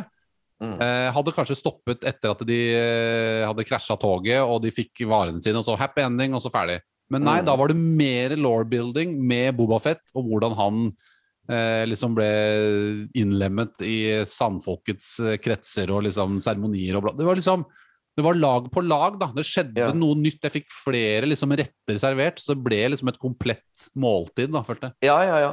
Det er en, en sånn sær ting med meg er at når jeg ser Star Wars, TV-serie eller film, så putter jeg aldri mine øyne bort fra skjermen. Du vet, Jeg vil se på hvert sekund. Jeg rører aldri telefonen, så klart. Jeg, jeg titter aldri ut av vinduet. Jeg bare følger med på alt. Ja. for Jeg syns at hvert sekund er spennende. Det er liksom sånn, Ja. det som er fascinerende med Star Wars. Men eh, når, når det siste minuttet av episoden her var, når han skulle bli kledd på av Sand People, så tok jeg meg sjøl faktisk i å klø meg litt i øynene. Og, for det var liksom veldig lite spennende. Det var jo bare en, et rim av hva som skjedde i episoden før, med hvor robotene, altså droidsen, kledde på han, og nå var det Sandpeople som kledde på han. Og da følte jeg sånn jeg ble det veldig danse med ulver, og jeg, ja, jeg kan, jeg kan sjekke den meldinga som jeg har uh, venta noen ti minutter på å svare på. Liksom. Du vet, sånn. Så det er helt så sjelden for meg at Ja, jeg gjør traf... Star Wars. Men, Ja, det, men det, det, den traff meg helt annerledes enn den, den Ja. traff deg, tror jeg. Fordi at jeg følte at det var en veldig fyldig epilog til det vi Ja. eh, hadde sett. Ja, det var kanskje Han hadde en slags trial Eller ikke en trial, men han hadde en Mm. scene i episode én også som var litt lik, at han liksom ble akseptert i gjengen. Ja. Og så ble det liksom på nytt nå. Det er Mm. derfor jeg syns episode én ikke fungerer rett og slett som en episode én på samme måte. Den er litt rotete, ustrukturert. De burde Ja. kanskje strukturert episode 1 og 2 på en annen måte. Lagt en stor film hvor de hadde strukturert flashbacks og nåtidsscener på en annen måte. Fått Mm. mer en ryddigere eh, oppbygning, da. Ja. Men eh, jeg føler at eh, den epilogen på eh, hvor Bobafett liksom Den seremonien med at han får på seg klærne, får gaffystikken sin, de danser rundt bålet og alt det her. Ja, det er veldig danser med ulver, og der, man kan kanskje Ja. sammenligne det med det og sånn, men det kan man gjøre med alt. Hvis, Ja. det, er, hvis det er Etter min mening da, så er det gjort på en bra måte, og det på en måte foreshadower litt hva som kommer til å skje med The Sand People i, i framtiden. Derfor syns jeg den scenen var det var en sånn perfekt dessert da, til det, Det som jo- forrige gang. Det kan jo være en tragedie som skjer med Sand People òg. Kanskje alle sammen dør, og han er den eneste som er av den klanen, liksom. Det kan hende. Ja, det, det, det kan være det kan jo være Jeg tror i hvert fall det kommer til å være noen tap som enten har skjedd, som du sier der nå, eller det kan Ja. komme til å skje i nåtid, f.eks. Eller Ikke, et eller ja, annet. ja, ikke sant. Men det er jo kjempespennende at, at man er eh, forskjellig, da. Fordi det er jo, eh, som du sier, selv om det er en svak femmer, så det høres negativt ut, men det er jo tross alt en femmer. Ja, ja, ja. er, så den har fått to terningkast fem og en uh, sekser. ja, ja. Eh, Ja, ja. så, så det er jo det er jo det som er gøy. Altså snakka, vi har snakka om eh, det at det kommer en episode i uka, kontra det at alle episodene blir lagt ut samtidig. Det er det jeg digger med det. At du, Mm. får, at du har eh, god tid på å liksom drive og lage din egen Yes. headcanon. Og Yes. så blir du enten overraska eller skuffa eller Ja. på, på bakgrunn av det. Så Mm, kan man diskutere med andre. Ah, 'Så du det? Hva syns du? Hva tenker du?' mm, Akkurat sånn som vi sitter og gjør her nå. Ja. Så det er jo det, er jo det som er gøy med det, med det. At de treffer Star Wars-hjertene til alle, selv om Ja. vi kan være litt uenige. Så, så gjør de liksom på en måte veldig mye riktig, da. Det virker som at Star Wars-fan-community-gjengen De er ve veldig sånn enige om at dette er en bra episode. Fordi Å, ja, ja. det, Og det det er er- veldig fokus. Ja. Og det er mange som uh, syns at dette her er flere hakk opp fra episode én. Det er en sånn Ja. Jevn uh, understanding blant Ja. folk rundt omkring, liksom. Men jeg tror nok Virkelig. at eh, episode to kunne ha fått mer, enda høyere rating og enda bedre kritikk hvis ikke den episode én subba liksom med som et sånn eh, anheng til Mm. det, på en måte. Det, det, den Episode én er for ustrukturert og litt sånn uforståelig i forhold til um, Altså den, den får ikke den punchen, da, fordi at episode to gjør alt det meste Ja. som skjer i episode én, bare mye bedre. Ja, det, det, det er ingen tvil om at de burde gjort eh, det som de gjorde med Hawkeye, og putte ut episode 1 og 2 samtidig. Det burde de ha gjort. Det burde de Eh, minste ha gjort, ja. Men jeg tror det er fordi de Det gjorde de vel med, med Bad Batch også. Ja! Nei, de la ikke ut, men de la, den første episoden var ekstra lang. Den første lang. episoden var Ja, de sa Lang. jo det at det var to Ja, sånn, ja. ja. Ja, sånn, ja. Ja, ja, ja. Så Ja. klart. At Så de klart burde det gjort det på, kanskje på den måten. Jeg ville ha tatt episode 1 og 2 av Boba Fett, og så ville jeg ha reredigert noen av rekkefølgen på noen av scene, flashbacksene og eh, Ja. nåtidstingene, og gjort det mer eh, opp, altså strukturert og oppbygd på en annen måte, så du hadde fått én lang film ut av det. Det tror jeg hadde blitt fetere. Åh, du, Knut, nå ga du meg frysninger. Det her til å episk. Det det Ja, jeg, jeg, Ja. men det er klart, da får du ikke spredd det like mye utover. Det kan være Nok en gang, det kan være noen business head som sitter og Nei, vi må ha penger, vi må ha abonnentene må sitte og holde på dette. Vi legger Ja. en ekstra episode. Kanskje de Ja. har gjort noen reshoots, kanskje de har liksom restrukturert ting på forskjellige måter.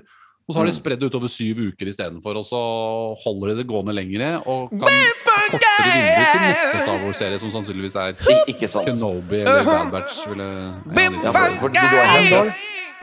Ja, men altså, Obi-Wan skal jo komme til mai, har de sagt. May the fourth, antageligvis. oh. Men Ja, Andor koselig. har de snakket om høsten. Ja, jeg tror det. Og Jeg tror det Apropos Andor, at jeg fikk jo litt sånn dårlige vibber av den første chapteren på Boba Fett-serien her, med, Ja, uh, hvor eh, The Volume ikke funka som det burde ja gjøre. Ja, det gjorde ikke Og det. da, Ja. nei, og da fikk jeg sånn veldig sånn feeling at ja, men da Andor har jo sagt at de skal bruke mye filmsett, at eh, Mhm. hver episode skal bli mer som en film. Mm. Da, får jeg enda, liksom, da rykker Andor litt lenger opp på mm. lista mi på hva jeg er- gleder meg til. Da. Mm. Men mm. i det eh, chapter 2 av Book of Boba Fett her, var, så hang jeg meg ikke opp i det. Så der har de åpenbart eh, fiksa det her har- mye bedre. ja, Helt rett, du, Lars. Jeg, jeg tenkte var- ikke på at det var volume nå, i episode 2, men i episode 1 så hang jeg meg opp i. Det er derfor jeg liksom noen ganger Det er kanskje en helt eh, far out-teori at jeg føler at episode én er mye reshoots de har lagt til for å lage, lage en ekstra episode. I Hmm. til, at, at Egentlig så var episode to var episode én, og det var flere av scenene fra episode én som var med i episode to. Men så har de lagt til flere scener i episode én for å ha enda en episode. Det er en- Du er ikke den eneste som har den teorien. fordi Først eh, så ble det jo sagt at eh, ses eller den sesongen av Book of Boba Fett skulle være enten seks eller åtte episoder lang. Mm, mm. Og det at det nå har blitt syv, Ja. så er det enten så har de tatt bort en, eller så har de lagt til en. Ja. ja. Så Det er- teorien din ja. kan jo være plausibel, den. Så vi får jo Mm. håpe at det, grunnen til at det enten har blitt lagt til en eller tatt vekk en, er grunnen til at episode én føles litt sånn wonky og ustrukturert. da. Mm, Så øh, ja, vi får håpe på det, og så håpe at resten av episodene er spot on hele veien. Ja, tror, For dette her bevegde seg jo i riktig retning. Er riktig retning. Definitivt. Lars, jeg har to um, spørsmål som jeg må stille deg før vi avslutter Ja. dagens podkast. Og det er um, fordi at uh, sist gang vi snakka sammen på denne podkasten, var jo uh, Revenge of the Sith-podkasten. Så det vil jo si Ja. at vi ikke har egentlig prata med deg uh, offentlig på podkast noe om Mandalorian sesong to. Så jeg har uh, to spørsmål til deg. Det ene er har du sett filmen Dune? Og andre spørsmål er gråt du når Luke dukka opp i siste episode av Mandalorian? um, jeg eh, har ikke sett Dune. Oi! oi. Um, og eh, hvis det at det kommer tårer ut av øynene eh, Hvis det betyr at man gråt, så ja, da gjorde jeg det. Å, så vakkert. Jeg, jeg blir så glad når voksne menn tør å innrømme det. Ja, det, det var jo så vakkert. Det var, det, jeg, jeg, mener seriøst, jeg blir glad når du sa ja nå. For det, Ikke sånn som han derre Star Wars Theory som la ut en video av altså Det var den live-videoen. Sånn, sånn, han, han var jo Ja, jo- borte fra videoen i 30 Ja. minutter, for han lå og hulka liksom i Ja, men eh, jeg, jeg blir rørt av å se på han Star Wars Theory-klippet. ja, Han er jo så jeg blir faktisk mer altså. rørt av det enn selve scenen. Ja, det Ja, det er, er, det er når, når man er så investert i så Han får jo bare snakke for seg sjøl, men, så, Men- så, så mye investert vi er i, i Star Wars-universet, så Ja. er det klart at det, en sånn scene, det hit you right in the feels Ja, ja, ja. Men han sa det jo Eh, selv, ikke sant? Han sa det at han hadde jo Jeg tror Star Wars Theory Jeg lurer på om han hadde kreft når han var liten. Ja. Og Luke Skywalker var jo nærmest som en sånn farsfigur. Han har sikkert Ja. sett masse det, Dette har vært en flukt for han når han Ja. hadde dis, den, den, denne diagnosen. ikke sant? Og når Ja. det da dukker opp på deg, så, får, så det er klart at det fremkaller en reaksjon. det var, det var sterkt. Mark Hamill sjøl har sagt at han har sett de klippene der og ble veldig veldig rørt. For han var jo egentlig i tvil om han skulle være med på Mandalorian, så han angrer ikke på det, for å si det sånn. Nei, nei, nei da er det- du gæren. Og det er, ja. og det er derfor jeg tror vi kommer til å se Han Solo igjen nå. For at de er satt i gang den trenden med å bruke disse gamlingene. Og Ja, ja, ja. Det, it works. Ja, If it ain't broke, man. Eh, Lars, grunnen for at jeg spurte om Dune, er jo fordi at um, eh, Sand People, altså Tusken Raiders, er jo også representabel i filmen Dune. Uh, fordi um, Nå glemte jeg faktisk hva de het. De Nå må bor du ikke liksom spoile. Å, nei, nei, nei. Uh.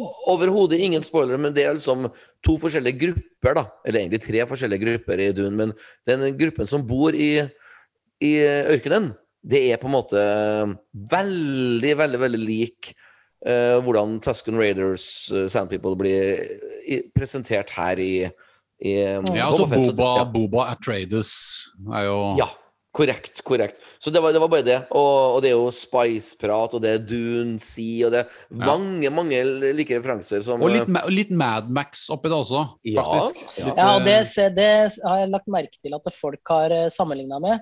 Ja. Og det må de gjerne gjøre, men jeg hater jo Madmax. Jeg liker ikke det Ah. det hele tatt.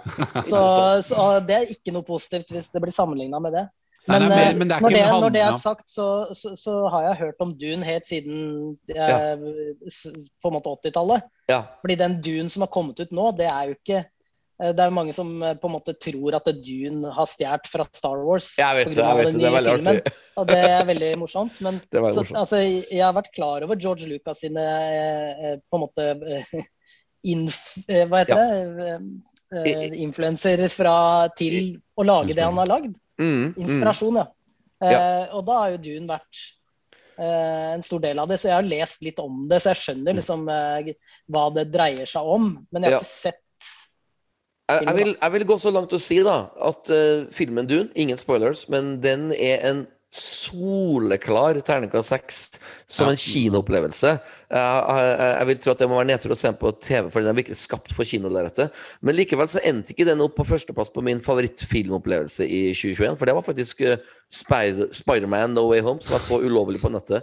For den har ikke kommet Ja, på så kino. den så du ikke på eh, kinolerret? Nei, det, det, that's, that's the irony. For den kommer ikke på kino i Norge før 29. januar. Det har blitt utsatt nok en gang. Og, Jeg har men sett den bare én film på kino i 2021, og det er en av de dårligste filmene jeg har sett. Og var det James Bond? Eller? Matrix Resurrection.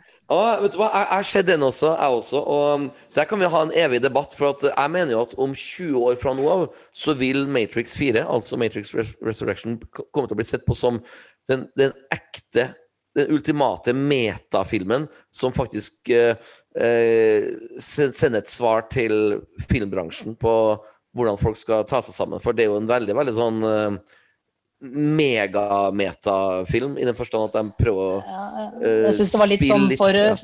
for mye on the nose. Uh, Veldig mye on the nose. Den kunne egentlig hett Matrix bedre- on the nose. Ja. Eller det er mye mer meta Mye bedre meta enn det.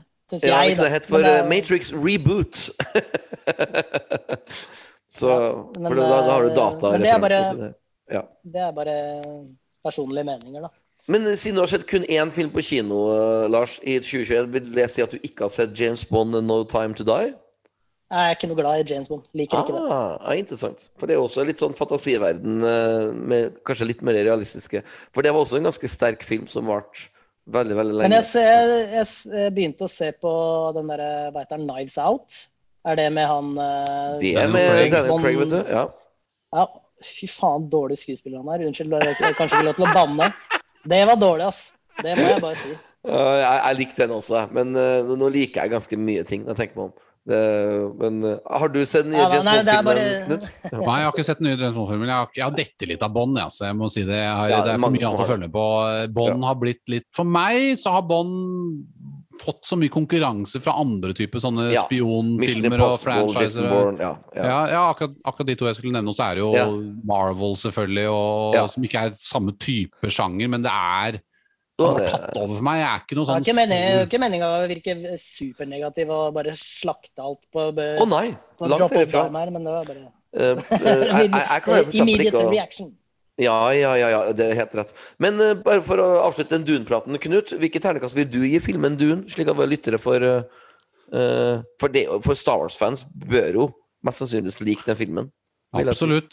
Dune er en kjempefilm. Altså, jeg ville også gitt den en sekser. Jeg synes Den fikk jo litt kritikk av noen som jeg ikke forstår Nei, hvorfor ikke jeg de gir. at avslutningen ikke er konkluderende. Men det blir jo det samme som å si at del 1, Ja. Fellowship of the Ring skal du skal trekke den fra terningkast Ja. 65 fordi at den ikke Ja. konkluderer. Ja. bare Eller, eller. Empire Strikes Back. Ja, Hey, what happened sant? to Han Solo? Ja. Så, det- så det er liksom eh, jeg, jeg bare forstår ikke Det er jo det er en sånn Jeg mener det er en sånn eh, barnefeil. Altså sånn, Ja, det er sånn ja. Som du sier til eh, barn ikke skal gjøre i fotball, liksom. Ikke gjør den tingen, for det, da, da er det helt opplagt at det ikke går, liksom. Og jeg føler at det Ikke er sant? Så den, den var solklar tekst for meg. Ja, ikke sant? Offside, ja. Ja. Du, Ikke, Lars sånn, ikke samle dere i en flokk liksom, og løp sammen. Liksom. Dere må spre dere utover banen. Ikke sant? Det er, Ja, ja, ikke sant. Ikke sant. og, og en Du- kritiker må jo forstå at en film leder en vei, at det er en, en, en Ja. plan bak. da. Ja. Og apropos og, plan, det er det jeg føler med Som vi har snakket om sequel-trilogien, og det har vært lite plan. ja. Her oser det plan når jeg ser Boba Fett eh, episode to. Ikke sant. Veldig bra sagt. Og apropos plan, Lars. eh, hvilke planer har du for tiden på privaten og i karriere, eh, karrieren din? Er det noe spennende du holder på med for tiden, som du vil dele med våre lyttere? Eh, Something you wanna plug? Eh, Ja, igjen designersko for Castell. Ja? Ja. Det er veldig veldig spennende. Vi har veldig mye bra planer framover. Og så jobber jeg mye med, med dekorasjon, graffiti, illustrasjon. Ja. jobber litt for forskjellige firmaer og dekorerer litt her og der. Er mye spennende som jeg skal gjøre der. Som jeg 2021 var veldig bra på begge områder. og Jeg krysser fingra for at det blir bedre i Så 2022. godt. Så godt å høre. Så det, det blir spennende. Og så har jeg også blitt eh, nå sertifisert eh, dommer i breaking, så nå kan jeg Oi. dømme internasjonale Nei, fy faen! Oi. Så gratulerer. Det er Så det er jo gøy, det. Så det er en helt annen diskusjon om man syns det er gøy eller ikke. Men eh, Vel unt, Men, iallfall. eh, Breaker du noe selv, da, eller er det for hardt for kroppen? Nei, det, vet du hva, det, jeg ble spurt om skosamlinga mi og breaking og sånn Mm. i forrige gang jeg var gjest hos dere. og Mm. Det var ikke meninga å komme fram eh, som en som fremdeles holder på med breaking og som fremdeles samler på sko. Fordi de, alle de skoa mine de står på et lager, så de har ikke jeg sett på mange mange, mange år. Uh, og breaking det la jeg, jeg la opp som break, aktiv breaker i ja, 2006-ish. Så de i 2021 kanskje jeg breaka én gang. Oi. Du, Jeg kan fortelle deg en liten artig historie, Lars. Det at at uh, bare for et par måneder siden så øvde jeg på en sånn teaterforestilling i et stort stort lagerbygning på Lade i Trondheim. Det lagerbygningen skal rives da, om en måned. Så da har taggere og graffitikunstnere fått frihet til å øve på de veggene. Det heter ikke tagging. Unnskyld? Det er graf graffitikunst, er det Så, Eh, Sa jeg- sa riktig nå? Graffitikunst? Ja. Fordi at eh, Poenget er at eh, når jeg da var ferdig med en sånn åtte timers øving, så gikk, gikk jeg ut av den lagerbygningen, og da så jeg alle disse graffitikunstnerne holde på. Og jeg husker at jeg til og med tok bilder av det. og og begynte å prate med dem, så klart, for jeg er jo veldig fascinert av den kunstformen. der. Og så plutselig bare nevnte jeg en bisetting. bare sånn, Og forresten, kjenner dere Lars Undli? Og da var det en fyr i 40-åra som snudde seg mot meg og bare Lars Undli? Han er jo en legende. Jeg kjenner du den ha med. sikkert. Ja, ja, ja, ja. Jeg, fikk absolutt inntrykk av at du, du, du kjente den. Og det var bare så artig å høre. For at eh, du, så, Siden du snakka om sko og, og breaking, du er også i graffitikunst eh, har du Ja. en høy stjerne. Stor stjerne. Ja. Jeg har jo sett noen av de bildene du har lagt ut uh, her og der, Lars. Både på, den mest, på Sith Happens, vår lille messengergruppe, og Ja. andre steder òg. Veldig imponerende. Jeg, blir jo, jeg må innrømme at jeg faktisk blir litt Jeg har jo malt mye av disse Det er jo en helt annen greie, selvfølgelig, og jeg, er ikke, jeg er ikke noen ekspert på å male og sånn, men, men eh, alle disse figurmalingene mine og sånn nå kjenner jeg at når, jeg liksom, når du legger ut sånne ting, sant, da blir man jo litt inspirert av det. Ikke sant? Jeg får litt sånn eh, Ja, det er bra. det kan, er kult. kan gå mange måneder uten at jeg maler noen ting, men så plutselig så kanskje dukker opp et Lars Undli-bilde, da, uten at jeg skal prøve å Ja. prestere like bra, eller noe, så er det sånn, faen, dette er, det er gøy bare å se Du la ut f.eks. den med Asoka for Ja. noen Ja. måneder siden, ikke sant? Det er jo helt Mm. rått, ikke sant? Så jeg bare tenker, faen, det skulle jeg hatt hjemme. Det var det første jeg tenkte, selvfølgelig. Men da er det sånn, gå ned og male litt på figurene, og nå har jeg kommet Det ganske kan jeg langt. for så vidt, eh, det kan jeg for så vidt plugge. da, at Ja. Den Asokaen du nevner som jeg har spraya, den kan hvem som helst gå og ta en selfie foran. For den er inne på en restaurant som heter Duckpin, Ja, som ligger i Torgata i Oslo. Kul, Som er ja. en familierestaurant slash eh, bowlingbane. Mm. De har Star Wars flipperspill der. Oi. eh. Karaoke. Ja da. Så det er, eh, det er You had me at karaoke. Har de sabak? ja. Har de ikke sabak? sabak. Ja. har ikke det. Men det, det får meg til å stille et siste spørsmål, Lars. For at uh, jeg og Knut er jo så heldige at du, vi får se bilder, for du sender oss bilder av din graffitikunst. Er det noen plass på nettet hvor våre podkastlyttere også kan få se din kunst? Har du noen webside eller noen Facebook-side som man kan få uh... Det er uh, Instagram det går i. Ja. Og det er eh, at pay2. P-a-y 2. Betal 2 på engelsk. PAY og tallet 2. Og det er Ja. altså din Instagram, og der finner man uh, bilder. Så da, Der da- finner man mye av det jeg har lagd, ja. Mm. Kult, kult. Som en eh, når det er sagt, så vi må ikke være ferdige ennå, fordi lista mi er ikke ferdig. altså. Jeg har masse notater. Nei, du, vær, vær så god, Lars. Det, det, det, det, det, det, det, Du har notater fra de podkastene du ikke har vært med på, du, Lars. ja, ja. ja. Nei, du, Ja, vær så god, Lars. nei, jeg har ikke det. Fortsett. Men eh, jeg, jeg sendte jo dere en outrageous teori på de her Ja. som spraya på ja, sånne, eh, apropos spray. Ja, det er jo- eh, ja. Farm. Og Det var tagging. sånn, eh, Det var tagging. Nei. Nei. Det, det heter ikke det, skjønner du. Det er bare et norsk okay. begrep, okay. men det kan vi lage en hel, hel Ja. podcast om. Du kan invitere eh, bare Egil-band og bli med på den debatten. Ja. Så hvor eh, på en måte de sprayer eh, eh, på et språk som eh, da er eh, Hutties, eller Nal Hutties, Mm. som er original Hutties. Og den eh, fonten og skrifttypen, den ble lagd til Phantom Menace. Mm. Så det, det, som, eh, det tegnet de sprayer på veggen der, det kan du også se på de speedbikesene speederbikesene som eh, Boba Fett Mm. stjeler Mm. på Toshi Station. Der er de samme markingsene. Mm. Så det er tydelig at det er samme speederbike-gjeng. Mm. Eh, eller det, de, de er fra samme greia. Eh, apropos, de har jo da Nå er da Ola West eh, Cannon. Eh, Mhm. Men det er ikke første gang det er denim i Star Wars. Det er et annet notat. Det, uh, vet, dere, vet dere hvem som hadde denim i Star Wars-universet først? Jeg tenker også for vi, The, vi the snakket om det jeans guy. The jeans guy. Ja, Ja, det jeans, guy, det var Nei, men det er bra spørsmål, for vi snakka om det i forrige episode, så reagerte um, noen på disse jeansvestene. Um, men tidligere i Star Wars, dæven, da er jeg blank. Nå, nå må du fortelle meg, Lars. Ja, det er så tidlig som det kan bli. Det er fra New Hope. Oi. Aunt Beru. Wow! Ah. Den det, du vet hva, det er, det, Du har helt rett, men jeg har fullstendig glemt Hun har litt sånn dagligdagse klær, ja. Stemmer det? Ja, ja, ja. Ja. Så, men uh, uansett, altså, tilbake til de her niktoene som Mm. sprayer. For det er jo rasen nikto. Ja. Uh, og den bokstaven de sprayer, uh, det er bokstaven K i Mm. Hatis, språket da. Mm. Eh, eh, og man kan tenke seg til at det er to K-er, fordi det er en som allerede Ja. det på høyresida, og så venstresida av den døra. Så Mm. enten så er det at de bare sprayer eh, Merket deres er K, at de sprayer det overalt, eller at det Mm. er to. Eh, og det som er at det er tre Nå har jeg googla, da. Det er tre niktoraser. Ja. I love We're this. in the Ja. deep now. Ja. Ja, det her er en, det, er, det finnes en rød niktorase og en grønn niktorase. Og så er det en niktorase som er fra fjellene. Så de her røde og grønne de er fra på en måte samme. Ja. Og den røde nikto heter, nå må jeg lese, Kajainsa-nikto. Okay. Og de grønne heter Kadasa-nikto. Og begge to begynner med K. Ja. Så eh, da, da, da er teorien at det, de røde og grønne har slått seg sammen. ja. Ja, Og markerer territoriene sine når de plyndrer Fantastisk. rundt omkring.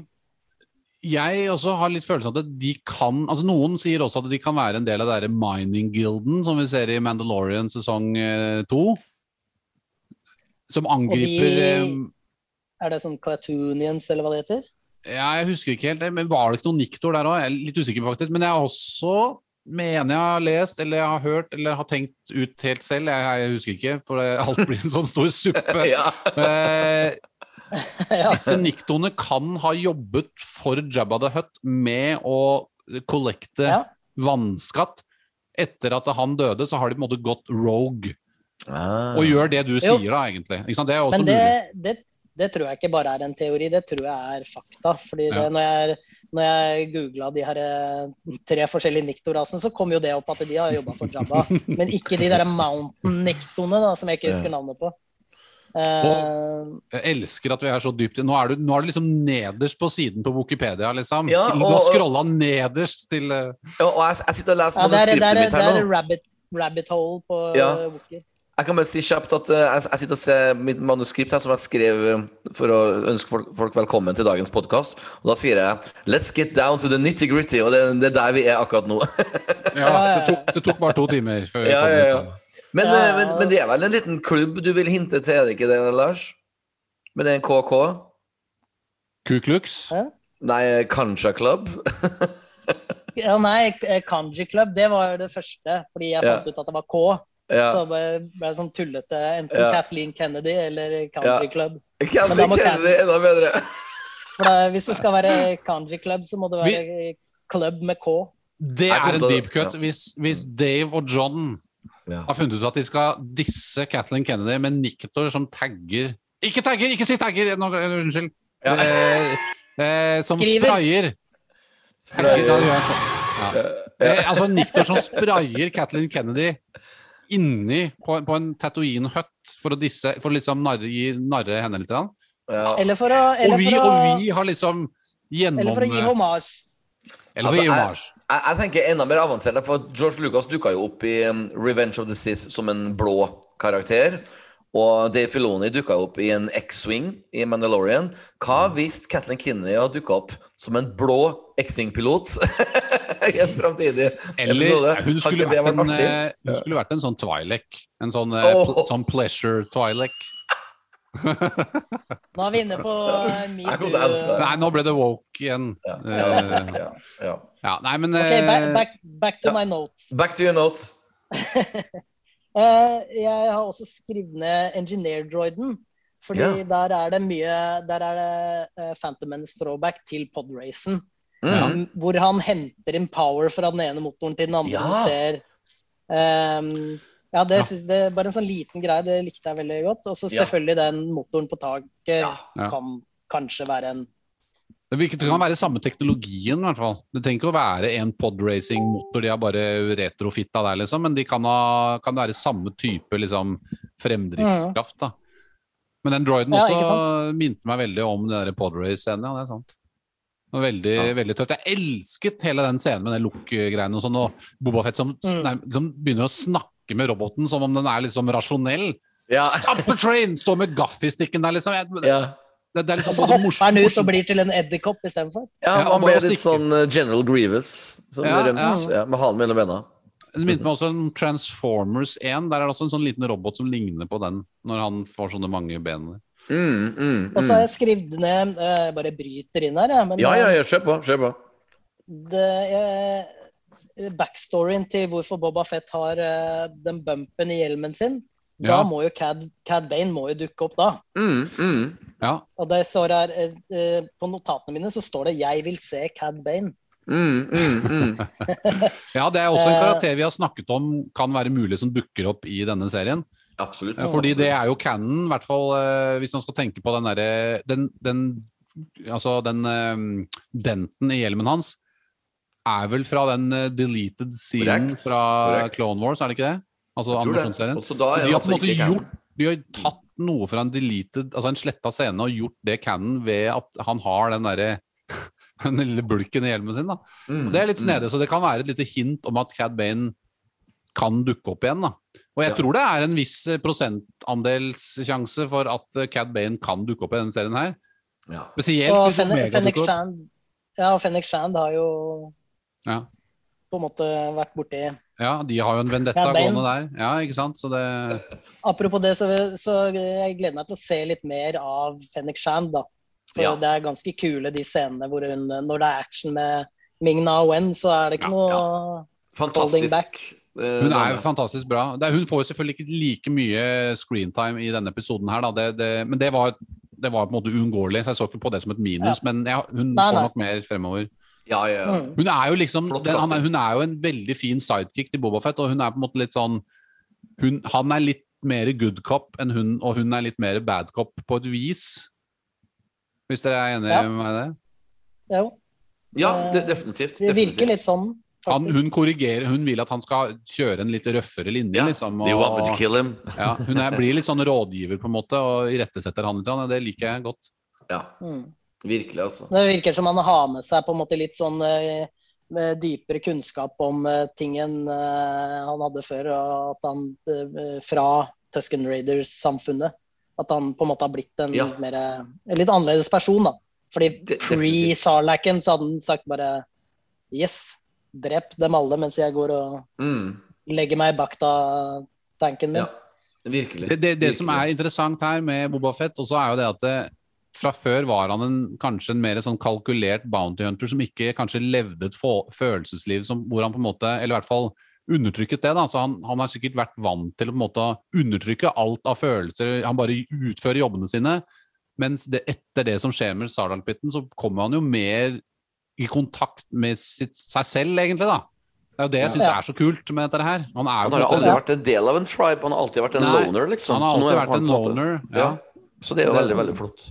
Ja, det syns jeg er veldig bra. Så alt, det, det, må, det sier det til det kjedsommelige, men jeg syns hele den ideen med Sand People Ja. er fantastisk bra. Ja, virkelig, altså. Mm. Så Ja, det blir masse mer flashbacks framover i de neste fem episodene. Absolutt. Og Flashdance også med Ja, ja, ja, for Jennifer uh, uh, Beals. Da blir det mer, da. hvis det blir flashback-scener fra Flashdance med Hun, hun danser Beals i en dusj, for eksempel. Som en Twilight da- i Flashdance-filmen. Det blir så meta at det blir uh, Det blir verre enn liksom Neo i Matrix, liksom. Ja. Hvis, hvis, hvis episoden heter Maniac, så skjønner du at, hvor det kommer til å ende. Det er veldig, veldig artig. Det er veldig, veldig artig. Ja. Nei, det her er nydelig. altså. skriver det- Ja, flere notater? Ja, massevis. Jeg Ja, ja, kjør bare på. fortsetter, jeg. Eh, hva tenker dere om at Boba trekker pusten når han tar av hjelmen etter å ha pratet med de Twin Hutsene? Så han det virka som han trakk litt pusten.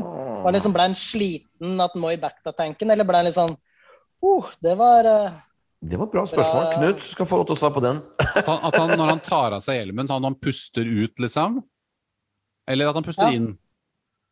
Han trekker liksom pusten sånn Ja. det sånn, At han trekker etter pust? At han liksom bare Får han ikke puste inn i, inn i hjelmen, eller hva, hva er greia? Hmm. Altså, Henger han, det igjen noen myn- mynter på breathing jeg, apparatus? jeg, Det, jeg det var jo jeg veldig med tension da, i den scenen. Jeg, så ja, jeg tolket det sånn. Jeg tolket det mer som at det er altså, Han er selvfølgelig en litt sånn um, Han er jo en litt plaget sjel. Han har, han har vært gjennom mye sånn Han er jo ikke at his 100% capacity enda. Altså, han har ikke 100% kapasitet på liksom, eh, ferdigheter og kondisjonen. Han er jo i ferd med å bygge seg opp. Han må hile hele tiden i den bak bakta-tanken. Så det kan jo hende han har Eh, nå går kanskje litt langt, der, men at han har noen slags lungeplager eller et eller annet sånt noe som han gjør at han ikke Litt kols, ja. Litt kols og litt Ja. sånn.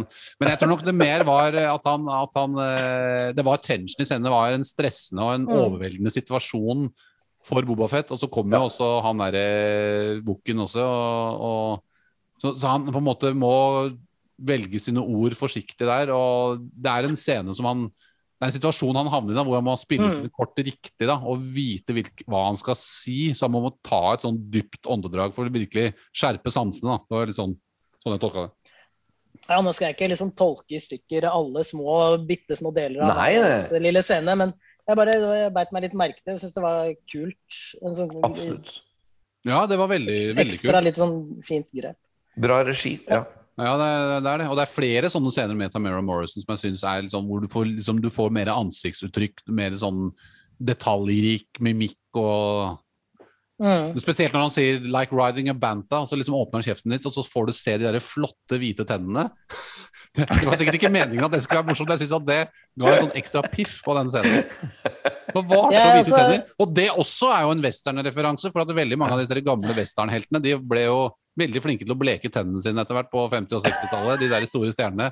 Så det er Ja. en deep, deep That's westernreferanse. deep cut. Ja, Det er sånn Ronald Reagan-stil. Ja, Og, og, og Joe Biden. Ja. Joe Biden. Han Michael Moore vet du, hilsa på Joe Biden for noen år tilbake. Og så ble han spurt hvordan var det å hilse på Joe Biden. I don't remember, I just looked at his teeth all the time. Those amazing teeth. Men eh, apropos sånne cowboy-referanser, så er det Ja. veldig mye Og folk nevner også Dune veldig mye. Ja, Men ja. i- eh, man må ikke glemme Akira Kurosawa oppi det her. Og, og heller ikke mye- Lawrence of Arabia, for det er jo togscenen er jo tatt nesten direkte fra Lawrence of Arabia. Ja, Men også er det jo også det der eh, som kom etter Phantom Menace, eh, hvor alle i Norge var helt sikre på at George Lucas har sett Flåklypa Grand Prix på Ja, repeat, ja, ja. ja, ja. eh, i fire uker i strekk. ja. Eh, noe han ikke har gjort, fordi han da på en måte da brukt noe annet som referanse, og det er jo da den herre eh, Det er Ben Hur. ja, nå står det Ben Hur, Ben, ikke ben? Hur, ja. Det er jo det, vet du. Ja. Det er jo Ben Hur. Det er, Det er jo det, Fordi at så- ble også inspirert av Ben Hur. Det er det man glemmer oppi det hele. Ja, ja, ja. Ja. Så man må, man må ikke bare liksom bare ta alt sånn med en gang, på en måte. dette, Men, men uansett så er det jo Man klarer jo ikke å Altså det er i skodesignverden da, eller Ja. eh, i designverden generelt. Så hvis du, på en måte, du, du må, for å finne på noe nytt, så må du bruke to eksisterende ting. Korrekt. Veldig bra sagt. Du kan sagt. ikke bare dra ting ut av lufta. Nei, nei, Altså, nei, nei. Det, det, det, det, er så, det er så bra sagt. Det er, Jeg- jeg så bra, jo- det er derfor det er litt for lett. No, noen vil ofte bruke sammenligninger og inspirasjon som en, liksom, eh, et argument for at det er dårlig, men det, er, det, det kan være det. Man kan lage en dårlig kopi av ting, selvfølgelig kan man det. Men Nei, inspirasjon men det er akkurat det du sier, hvis det blir en kopi. ja, Da? Du må på en måte ta det og så gjøre det til ditt eget. Og Ja. gjøre det på din egen måte, men bruke Ja. det som et sånn grunnlag. ja. Da er det greit. Mm, Men eh, hvis du tar noe direkte og så liksom bare kopierer det, ja. da, da, da er det litt sånn slett arbeid, da. Da er det Mm. slett Da arbeid, og da ender, da ender det ofte opp med at det blir et dårlig produkt. Men, men, Mm. eh, men eh, når all, altså alt kommer fra noe, all inspirasjon, enten bevisst eller ubevisst, så kommer ting fra noe. For det er umulig, som du Ja. sier, da, Lars, å trekke ting bare helt ut fra tomrommet og bare lage noe nytt. Altså, det, det, det, det skjer ikke. Ja, inno, innovasjon går ikke an uten eksisterende ting. Nei. Ja. Jeg, jeg, jeg jobber jo i musikkstudio hver mandagskveld, så er jeg i musikkstudio, og vi snakker veldig mye om det der. Og vi holder på med funk, men vi, vi kopierer ikke rett av en funksjon. Vi putter inn alle andre elementer fra andre sjangre også inn i det, slik at det blir noe eget. Og det er akkurat det du egentlig prøver å si. Og det, Ja. og det, det, jeg føler at egentlig så er jo Star Wars erkeeksempelet på at man kan skape noe fantastisk med å være inspirert av mange andre ting. Bare, Deriblant uh, Kurosawa og Dune og, og Flash Gordon og lignende. Så han, han, på den måten så er jo George Lucas et freaking genius. Mm. For han tar de, de, de sjelfulle elementene fra alle de tingene og gjør det til noe enda mer eh, populistisk, hvis det er et rett valg av ord. Altså populært, iallfall. Ja, for, å ha, eh, Pop, for, å ha, popkulturelt. Popkulturelt, ja. Takk. takk. for å ha skaperkraft og kreativitet, så må det jo være en inspirasjon som ligger til grunne. Altså, det kan jeg jo kjenne meg igjen i hvis jeg skal lage noe musikk sjøl. Hvis Mm. jeg ikke har noe som helst inspirasjon, så går det jo på tomgang. Men hvis Ja. jeg har en sånn energiboost av en inspirasjon, Ja. så vil jo ting flyte på en helt annen måte. Og det er jo det Star Wars oser av. Det oser av inspirasjon, selvfølgelig, og, de, og en kreativitetsflom som bare flommer ut, ikke sant? På Jeg kan faktisk komme med et veldig godt eksempel. I går kveld så skrev vi en helt ny låt, jeg og han produsenten i The Bomb Squad, som heter for Vibranium. Og som dere vet, Vibranium er jo et, et element fra Marvel-universet. Det harde metallen. Men vi kaller det for Vibe Rain, altså R-E-I-G-N, som er sånn kongelig herredømme. Og Yum, altså Vibranium. Men selv om det er inspirert av Vibranium, så er det viben av hvordan afrikanere i den vestlige Afrika brukte tromme for å kommunisere med andre stammer. Skjønner jeg? Så det, Der har du andre inspirasjon. Så du har Vibranium, som er liksom futuristisk Black Panther-tema, med det urgamle, hvordan man kommuniserer med hverandre på trommer. Aha. Putter du det sammen, så blir det noe nytt. Og Du har redefinert det. Unnskyld? Ja, Du har redefinert det, på en måte. Ja, det, det ble sånn, litt sånn Blade Runner eh, 50 år fram i tid, hvordan man da bruker vibranium med å kommunisere med beats, ikke sant. Ja, Og Uh, you, you can breakdance to that shit, Lars.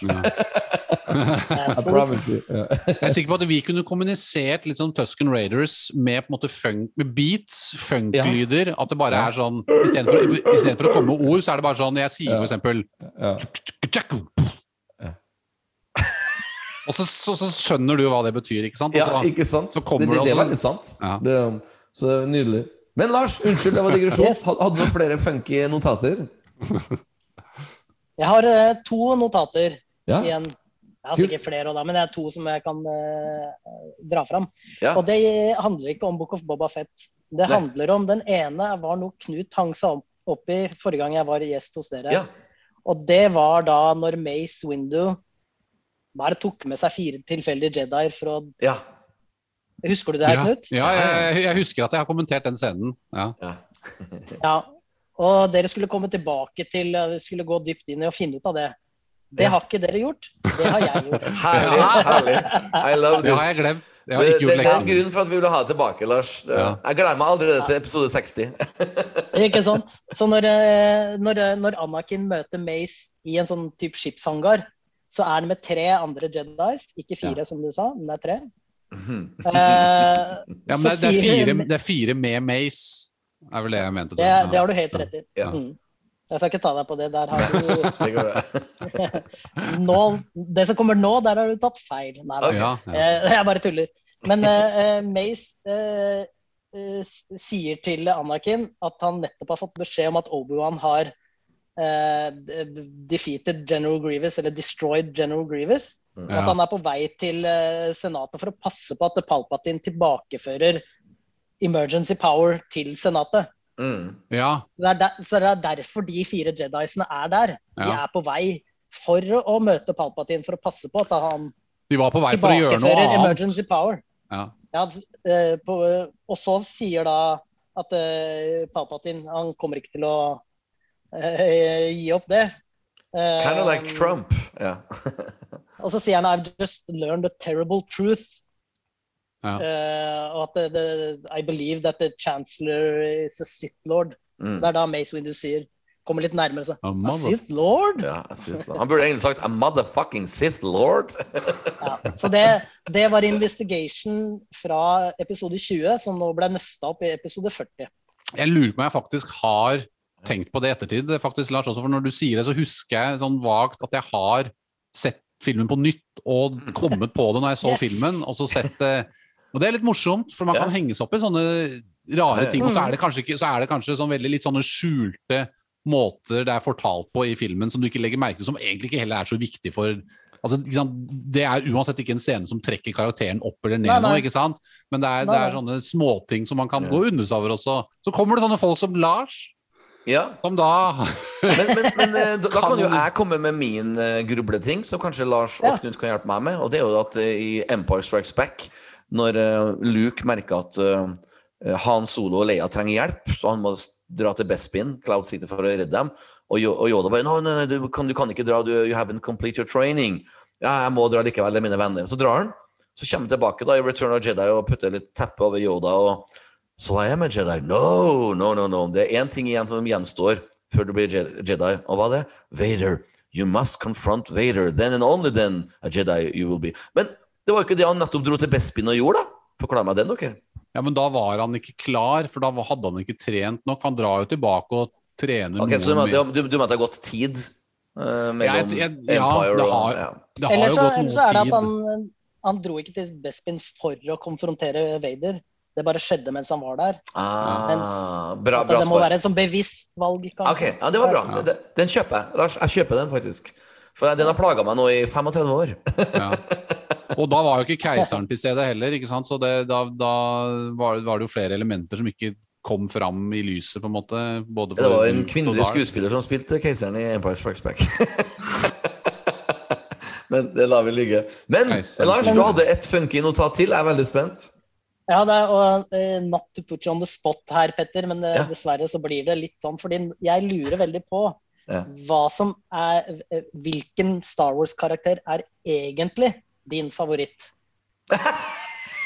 OK, ok, um, det her er veldig artig. Skjønner, skjønner, du hvor, skjønner du hvorfor jeg spør om det? Ja, det, det, det, det, for, siden at jeg, for, for siden Boba Fett har blitt to forskjellige personligheter, er det det du mener? Nei, fordi når jeg var med i episode 20, Ja. så sa du at din favorittkarakter i Star Wars var Anakin Skywalker. Ja, altså, eh, jeg, jeg sa egentlig det at eh, For nå skal jeg virkelig være nerdy her, altså. Jeg, jeg, Ja, ja. jeg var Jeg er bare nysgjerrig Ja, på det. Fordi, ja, ja. Nei, Anakin Skywalker var min favorittkarakter før han ble filmatisert. Det vil altså si at uh, i originaltrilogien, når man snakker om Anakin Skywalker, da laga jeg i mitt hode eh, et bilde av hvordan Anakin Skywalker var. Han, han gikk, gikk rundt i en. X-Wing-pilotdrakt. Uh, en oransje drakt. For han bare, he was already a, skilled pilot when, I- when I, I thought I could teach him just as well good as Yoda. Og da så jeg for meg han var noen og 20 år, var en sånn en superflink eh, X-Wing-pilot, som plutselig ble bare mer og mer litt sånn à la John McClane i Die Hard, hvor klærne, den hvite singletten til John McClane, blir bare mørkere og mørkere utover filmen, og til slutt så er den helt svart. Da så, da så, for meg at uh, den oransje X-Wing-drakten ble bare svartere og svartere. Til, til slutt så så ut som en TIE Fighter-pilot. Så den karakteren, Anakin, var min eh, drøm, eh, favorittkarakter. For jeg hadde på en måte sett for meg hele den historien. Men når prequel-trilogien kom, så kom det jo en helt annen type Anakin Skywalker. Og da gikk uh, Men så min favorittkarakter i filmuniverset har alltid vært Boba Fett. Men min favorittkarakter i min fantasihode har alltid vært den Anakin Skywalker som er skapt på 80-tallet og 90-tallet. Før 1999, liksom. Ja, i din headcanon, som det kalles. Ja, min head-favoritt. ja. Så det, det, det Ja. rett og slett eh, det samme som spør meg hva min favorittfarge. Det er både oransje og lilla, men uh, lilla er sånn universfarge, mens eh, oransje er mer en jordnære farge. Så jeg, sp- jeg Hva, liker å putte ting i er din forskjellige favorittkarakter kategorier. hvis du tenker på den andre headcanon? da? Eh, Quinlan Voss har alltid vært min eh, favorittkarakter i Ja, eh, du vet, the, Expanded Universe. Knut bare Ja, ja. Så, så altså, Forresten, den, den, tre, på førsteplass, det er Quinlan Voss, Anakin Skywalker før prequel-filmene og Boba Fett, film, Boba Fett uh, i filmene. Men du, apropos head, altså han derre Syfilis Diaz, han var jo en person som vi ikke vet så mye om, men han ble jo faktisk tatt av dage av The Pike Syndicate. Wow! Eh, og det, det er beskrevet i en eller annen bok eller en eller annen tegneserie, jeg husker ikke helt hvor det er hen. Eh, I tilfelle du ikke vet, Lars, Knut er veldig flink til å lese disse Star Wars-bøkene, Ja, mens jeg er det- mye det må mer jeg i også- Dark Horse også- Comics og sånt. Det må jeg også plugge, forresten. Ja. Jeg har jo siden sist, eh, etter vår liten pause, så har jeg, også, jeg har jo lest Soka. Veldig Ja. bra Star Wars-bok. Av de litt Ja, den er- har jeg også lest. Ja, den er, den er av de litt mer Jeg skal ikke si veldig enkel, men den er litt lettere å følge. Da. Det er vel, jeg er litt usikker på om det er en young adult novel, eller om det er en voksenroman. eh, Det, hva det er definert som. Men men, den er litt sånn mellomting for meg. Den ligger litt mellom Lost Stars og de mer komplekse bøkene som Tarkin og, og, og, og Thrawn og sånn. Og så har jeg Jeg anbefalt å, anbefaler det lydboka til den, for det er eh, da Ashley Eckstein som Ja, eh, leser Asoka der. Jeffrey Epstein som leste. Nei. Oh, that was okay, men- funny, men ja. Men eh, Herregud. Ja. Eh, men jeg, jeg, jeg har også lest Jeg har også lest Thrawn Alliances nå, altså bok nummer Ah. to i den nye trilogien til Timothy, Zahn. Som skrevet?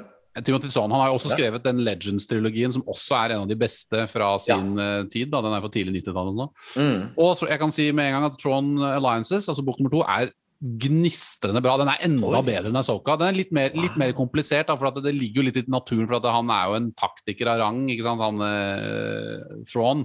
Mm. Han er, men han er helt ubrukelig på politikk. Og det, ja. liksom, det bruker boken alt for det det er verdt, og de andre karakterene rundt han. Som jo Trump, altså. ja, ja, ikke sant? Donald. Ja. Men ikke sant? Det, er jo, det er jo sånn at eh, Darth Vader er Grand liksom Admiral Trump. Trump. med, Det er Trump som skal spille Thrawn, ja, med bare malmann og blått. Men det som er bra i den boken, er jo at du har jo Darth Vader er jo den andre hovedpersonen. Eh, og det er også flashbacks til Anakin Skywalker og Padme og Thrawn, som går parallelt. Det er litt sånn som Book of Bobafett, uh, egentlig, at du har en fortidshistorie og en nåtidshistorie som går parallelt og etter hvert kulminerer. da. Og den er, den er utrolig spennende på mange plan. Veldig mye bra action, bra, bra skildringer av action. Og det er dialogen og liksom den derre feiden mellom Darth Vader og Thrawn er liksom tilstedeværende hele veien, i hvert fall i nåtid. da. Mm. Eh, så den anbefaler jeg veldig. Nå har jeg gått i gang med bok nummer tre nå, som også virker lovende foreløpig. Men eh, foreløpig så vil jeg si at bok nummer to er best av den Ja. trilogien. da. Det er bare, Wow. ja. Fantastisk. Jeg, jeg bare kom på en liten ting uh, Unnskyld, jeg går litt tilbake, men apropos mine favorittkarakterer. Det slo meg akkurat nå at Jeg nevnte jo tre stykker. Quinlan Woss, Anakin Skywalker og Bobafett. Alle de tre karakterene har én ting til felles. At de strever mellom to forskjellige sider. Du vet Bobafett, ikke sant? Eh, god eller ond. Anakin definitivt god eller ond. Og faktisk Queen of Us også har jo mørke sider og, og lyse sider. Så, og jeg har alltid følt at eh, i min bransje, når jeg gjør mye musikaljobber, og når jeg også gjør mye rockeband, funkband, så føler jeg egentlig at jeg tilhører en plass i midten, liksom. Sånn verken god eller ond, men Så det, det er sikkert da at jeg finner min egen personlighet i min favorittkarakter. For eksempel du, Lars. Din favorittkarakter, hvem var det igjen? Var det lurt? Anakin Skywalker. Ja, det var Anakin Skywalker. Ja, men så artig. Da, da er vi jo Er, det, er det noen ganger det skjer, Petter, at du drømmer at James Brown kommer til deg og sier I am your funk father. Nei, men, men jeg lo litt av um, biografien til Anthony Kiedis, vokalisten i Ch- Chili Peppers, for han slet skikkelig med narkotika. Sleit skikkelig med intonasjonen. Ja, nei, men han Anthony Kiedis slet skikkelig med heroin. eh, Unnskyld, unnskyld, hva sa du, Knut? Jeg sa han sleit skikkelig med intonasjonen. ja, det er bra. Ja. Nei, men eh, det var litt artig, for at Anthony Kiddis han er jo ikke noen stor sanger, men han har en, store ambisjoner. Og på slutten av 80-tallet så var han heroi, heroinist, og da lå han på et motellrom, og han Flea, bassisten, skulle på en måte redde han da, og få litt liv inn. Og da lå han bare og grein, og så sa Anthony Kiddis But Flea, I was gonna be the James Brown of the 80s!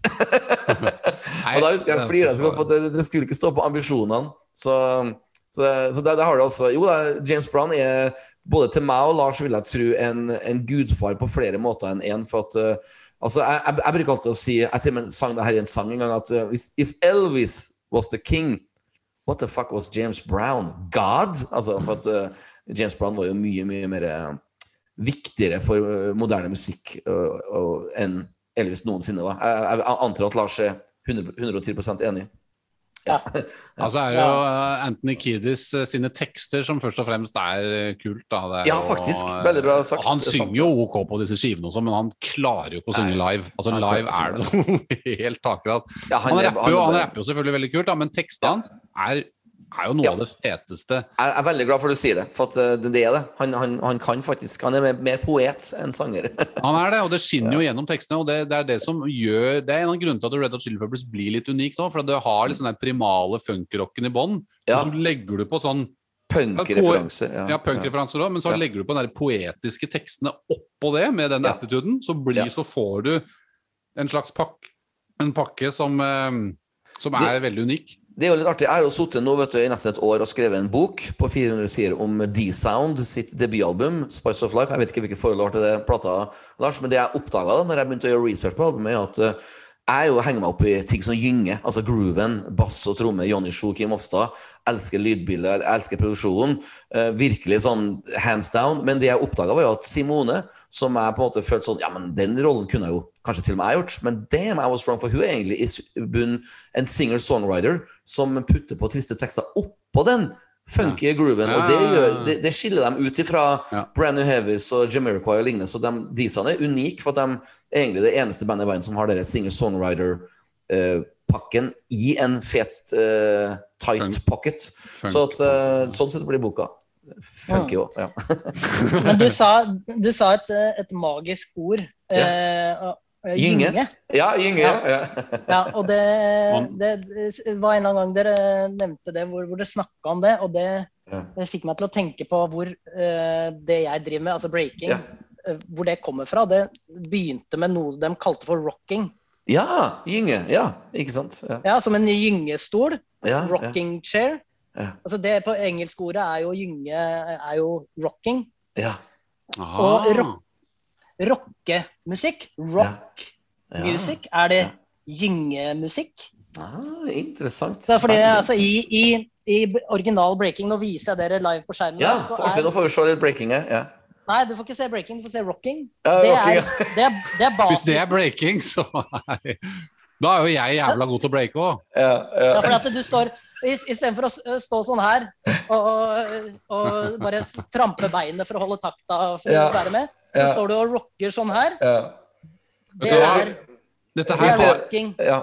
Du vet, Hvis Lars, dette her, Unnskyld, vær så god. Lars, dette her har jo jeg på film nå. Og det, det kjente det at når du sto med en tysk T-skjorte hvor det står 'Krig deres stjerne', og danset også som en sånn tysk teknoartist som bare har Nei, sittet finsk. på gutterom Finsk teknoartist som har sittet på gutterommet sitt hele livet og programmert i garasjen.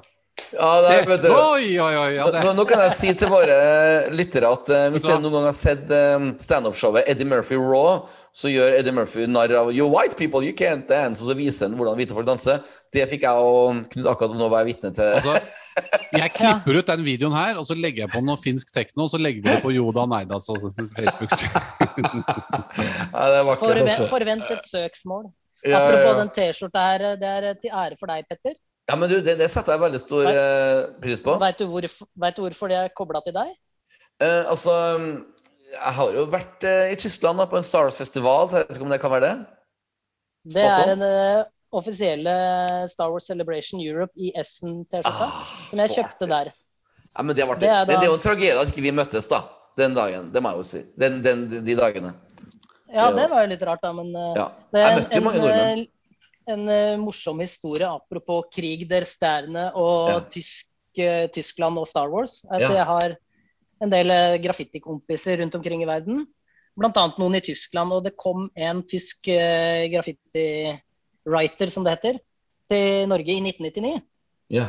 Uh, Som uh, eh, kaller seg for Seek. Og han eh, var, vi var og spraya en stor vegg sammen. Og det var jo midt i den Det var etter premieren på Phantom Menace, men den gikk Ja. fremdeles på Colosseum 1, Okay. eh, som da var verdens største THX-sal. Mm, mm. Eh, så vi, og vi snakka om Star Wars. Han er super Star Wars-fan, samme alder.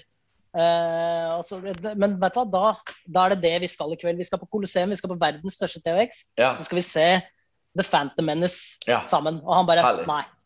Nei. Nei, og jeg bare Hvorfor ikke det? Det, det, det er jo det er verdens største THX. Det er Phantom Menace. Kom igjen. Nei.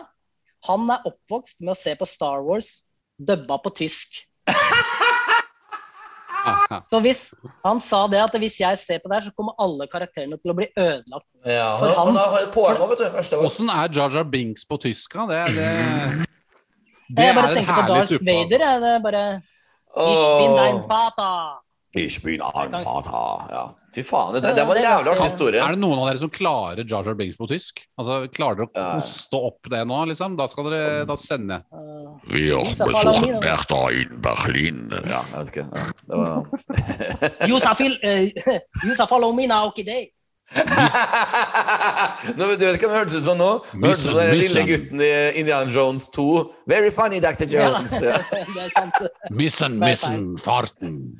Missen, Jeg, jeg kan ikke tysk, så Det, det, det som er litt artig, gutta, er jo at vi har nå prata i over eh, tre timer, så at den historien jeg skal ta nå, den trenger ikke vi å være redd for å være grov. For dem som har holdt ut i tre timer nå, klarer fem minutter til med en historie til. For at jeg skal prøve å passe mine ord, men det er også en, eh, mitt mest minnerike minne fra Essen i Tyskland. Det var jo at det var jo, jo tre-fire Uh-oh. dager der med Star Wars Celebration. Og jeg var i veldig godt humør. Hadde med meg en barndomskompis som eh, liksom, første gang vi møtte hverandre, så snakka vi om Star Wars. Liksom, første dag på skolen. Så, så det var veldig artig å dra sammen med han. Og så Han er litt um, alternativ, da, min venn. Han er litt sånn som tørs å uh, pushe litt grenser og leve litt alternativt. Så han uh, sa bare plutselig på dag tre at nei, vet du hva, Petter, nå har jeg fått nok av sånne Star Wars-folk som går rundt med Jeg har hørt svære- storyen før. du har det, ja! Du har det, ja. Da, da skal jeg komme med kortversjonen. Uh, det at folk som gikk med svære, svarte Star Wars-poser med alt av merch. ikke sant? For det var jo mye eksklusiv merch. Så det endte opp med at han eh, dro på en, en, en lovlig nattklubb i Tyskland. Men eh, bordell er jo lovlig i Tyskland. Så da endte det iallfall opp med at han ville dra dit. Og jeg tenkte bare sånn, faen, eh, jeg kan jo holde med selskap, da. Sitte liksom i loungen og, mens han gjør sitt eh, nødvendige som er nødige som er lovlig i Tyskland. Jeg må, må merke det. Men det komiske med det minnet var jo at når vi kom dit, så så vi jo bare 14 sånne svarte Star Wars-poser med fans som også skulle dra dit på fest. Så det var liksom eh, Det var mange Star Wars-fans som hadde tenkt det samme tanken. Det var bare sånn surrealistisk eh, ja. Surrealistisk minne. At, uh, we, we did, did, så jeg sa bare til min, min kompis Didn't we just leave this party? Men, men, ja, takk. Det så litt, så litt annerledes ut. Ja. Men jeg var, har, var, eh, var det en historie han hadde fortalt deg, Lars? Ja. Ja, ja. Lars var der. Ja. Nei. Det var du sa det. I was there. Ja. Ja, husker, nå husker jeg deg. Nå. Husker, du ikke ja, ja, hun, ja. husker du ikke hun Twilecken som Jeg satt jo ved siden av Helga. Ja, ikke sant? Ja. Nei da. Men det var eh, også en morsom eh, historie fra, fra Essen. ja. Der møttes vi jo Det kan godt hende du var der. Og det Ja. var en irsk pub. ja, ja. Bare inne og ute. Husker du hva den hette? Et veldig morsomt navn. for det var en irsk pub. For jeg var der. Hva, hva, hva het den? The Fritz Patricks. Det er veldig, veldig veldig bra. Jeg har en historie Det faktisk fra da det, jeg var i både tysk ordspill og uh, Irsk, ja, øh, irsk ordspill. Det er Fritz veldig, veldig artig. Ja. Jeg glemmer det aldri. Det, det var faktisk ganske bra. faktisk. Det var, uh, det, uh, I mitt forord i min Star Wars-bok som jeg skrev, så nevner jeg faktisk en episode som skjedde på den puben der. For det var der jeg møtte en fyr, en nordmann som satt alene og forsvarte prequelsen så vanvittig. Han mente at prequelsen var bedre enn originaltrilogien, og jeg satt og måpa på at jeg trodde han kødda med meg. Jeg trodde han holdt på å yanke my crank. Men han mente det så vanvittig at det var da, som jeg skriver ord- forordet på boka mi, at det var da jeg ble inspirert til å skrive den boka jeg skrev, om at jeg må lære folk at originaltrilogien har jo en mye mer sjel enn prequel-trilogien. Har, fått, eh, har han fått en kopi av den boka der? ja, så klart, Signert? så klart. Så klart. Han var jo inspirasjonen til boka. Men jeg måtte bare eh, gå hjem og begynne å skrive bok, for at jeg, jeg trodde ikke det var sant at noen følte at liksom Han Solo, Leia, Luke, Darth Vader at de karakterene var mindre viktige enn prequel-karakterene. Men folk har forskjellig smak. All respekt. Han syntes det var mer underholdende også. Prequel er mer action og mer visuell snacks. Kjeven min ramla ned på bakken på Fritz Patricks. Altså, folk, folk me- mener jo forskjellige forskjellige ting, og det, Ja. det, det er det som er så bra. Det er det. det. Det er det. Uh, og jeg elsker prequelsene, men jeg elsker original trilogy òg. Og jeg har Ja. ikke tenkt å sette de opp mot hverandre, for det er to Nei. helt forskjellige Veldig fint sagt. Altså, ja. Ja. Så Det- det du får sant. ikke meg ut på en sånn uh, tynnisen der med å velge. Jeg elsker begge to. Ja. Knut, tradisjonen tro så skal vi jo så klart få lov til å avslutte med litt sitater, men jeg vil jo si at eh, eh, Lars, altså det er en sann glede å ha deg med. Jeg elsker ditt engasjement. Jeg til og med elsker at du arresterer oss litt når vi både sier feil fakta og sier ting som bare høres feil ut. Av all respekt. Ja, men vet du hva? Man lærer kun av sine, man lærer av sine feil, rett og slett. Så tusen takk for det. Og du er så klart hjertelig velkommen igjen til uh, f.eks. episode 60. Eh, eller, eller 50, kanskje. Du vet sånn, Kanskje Ja, vi skal ta det hver tiende. Her er mange muligheter. Men, men eh, tusen takk. Jeg kan starte med et sitat fra uh, The Book of Bobafett uh, chapter 2, som er et ganske kjent uh, sitat, og det er Ichuta! Eller som de sier i Trondheim, det er skjorta.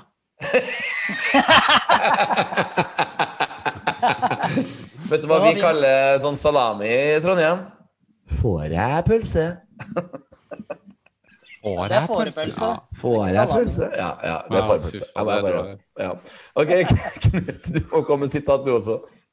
Nei, du, det var en gang jeg var i Essen, da. Eh, en naboby der, Moss, Essen. Eh, og der møtte jeg en Nei da, nei.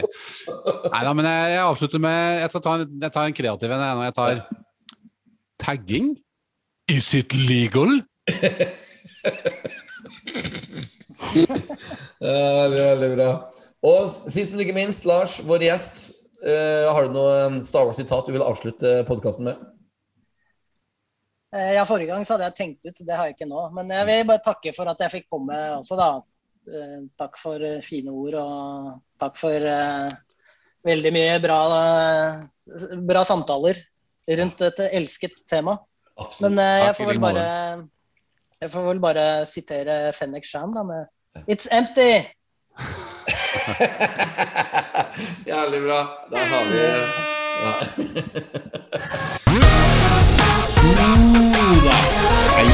ja. Så Nei da. Så Ja, så ja, så.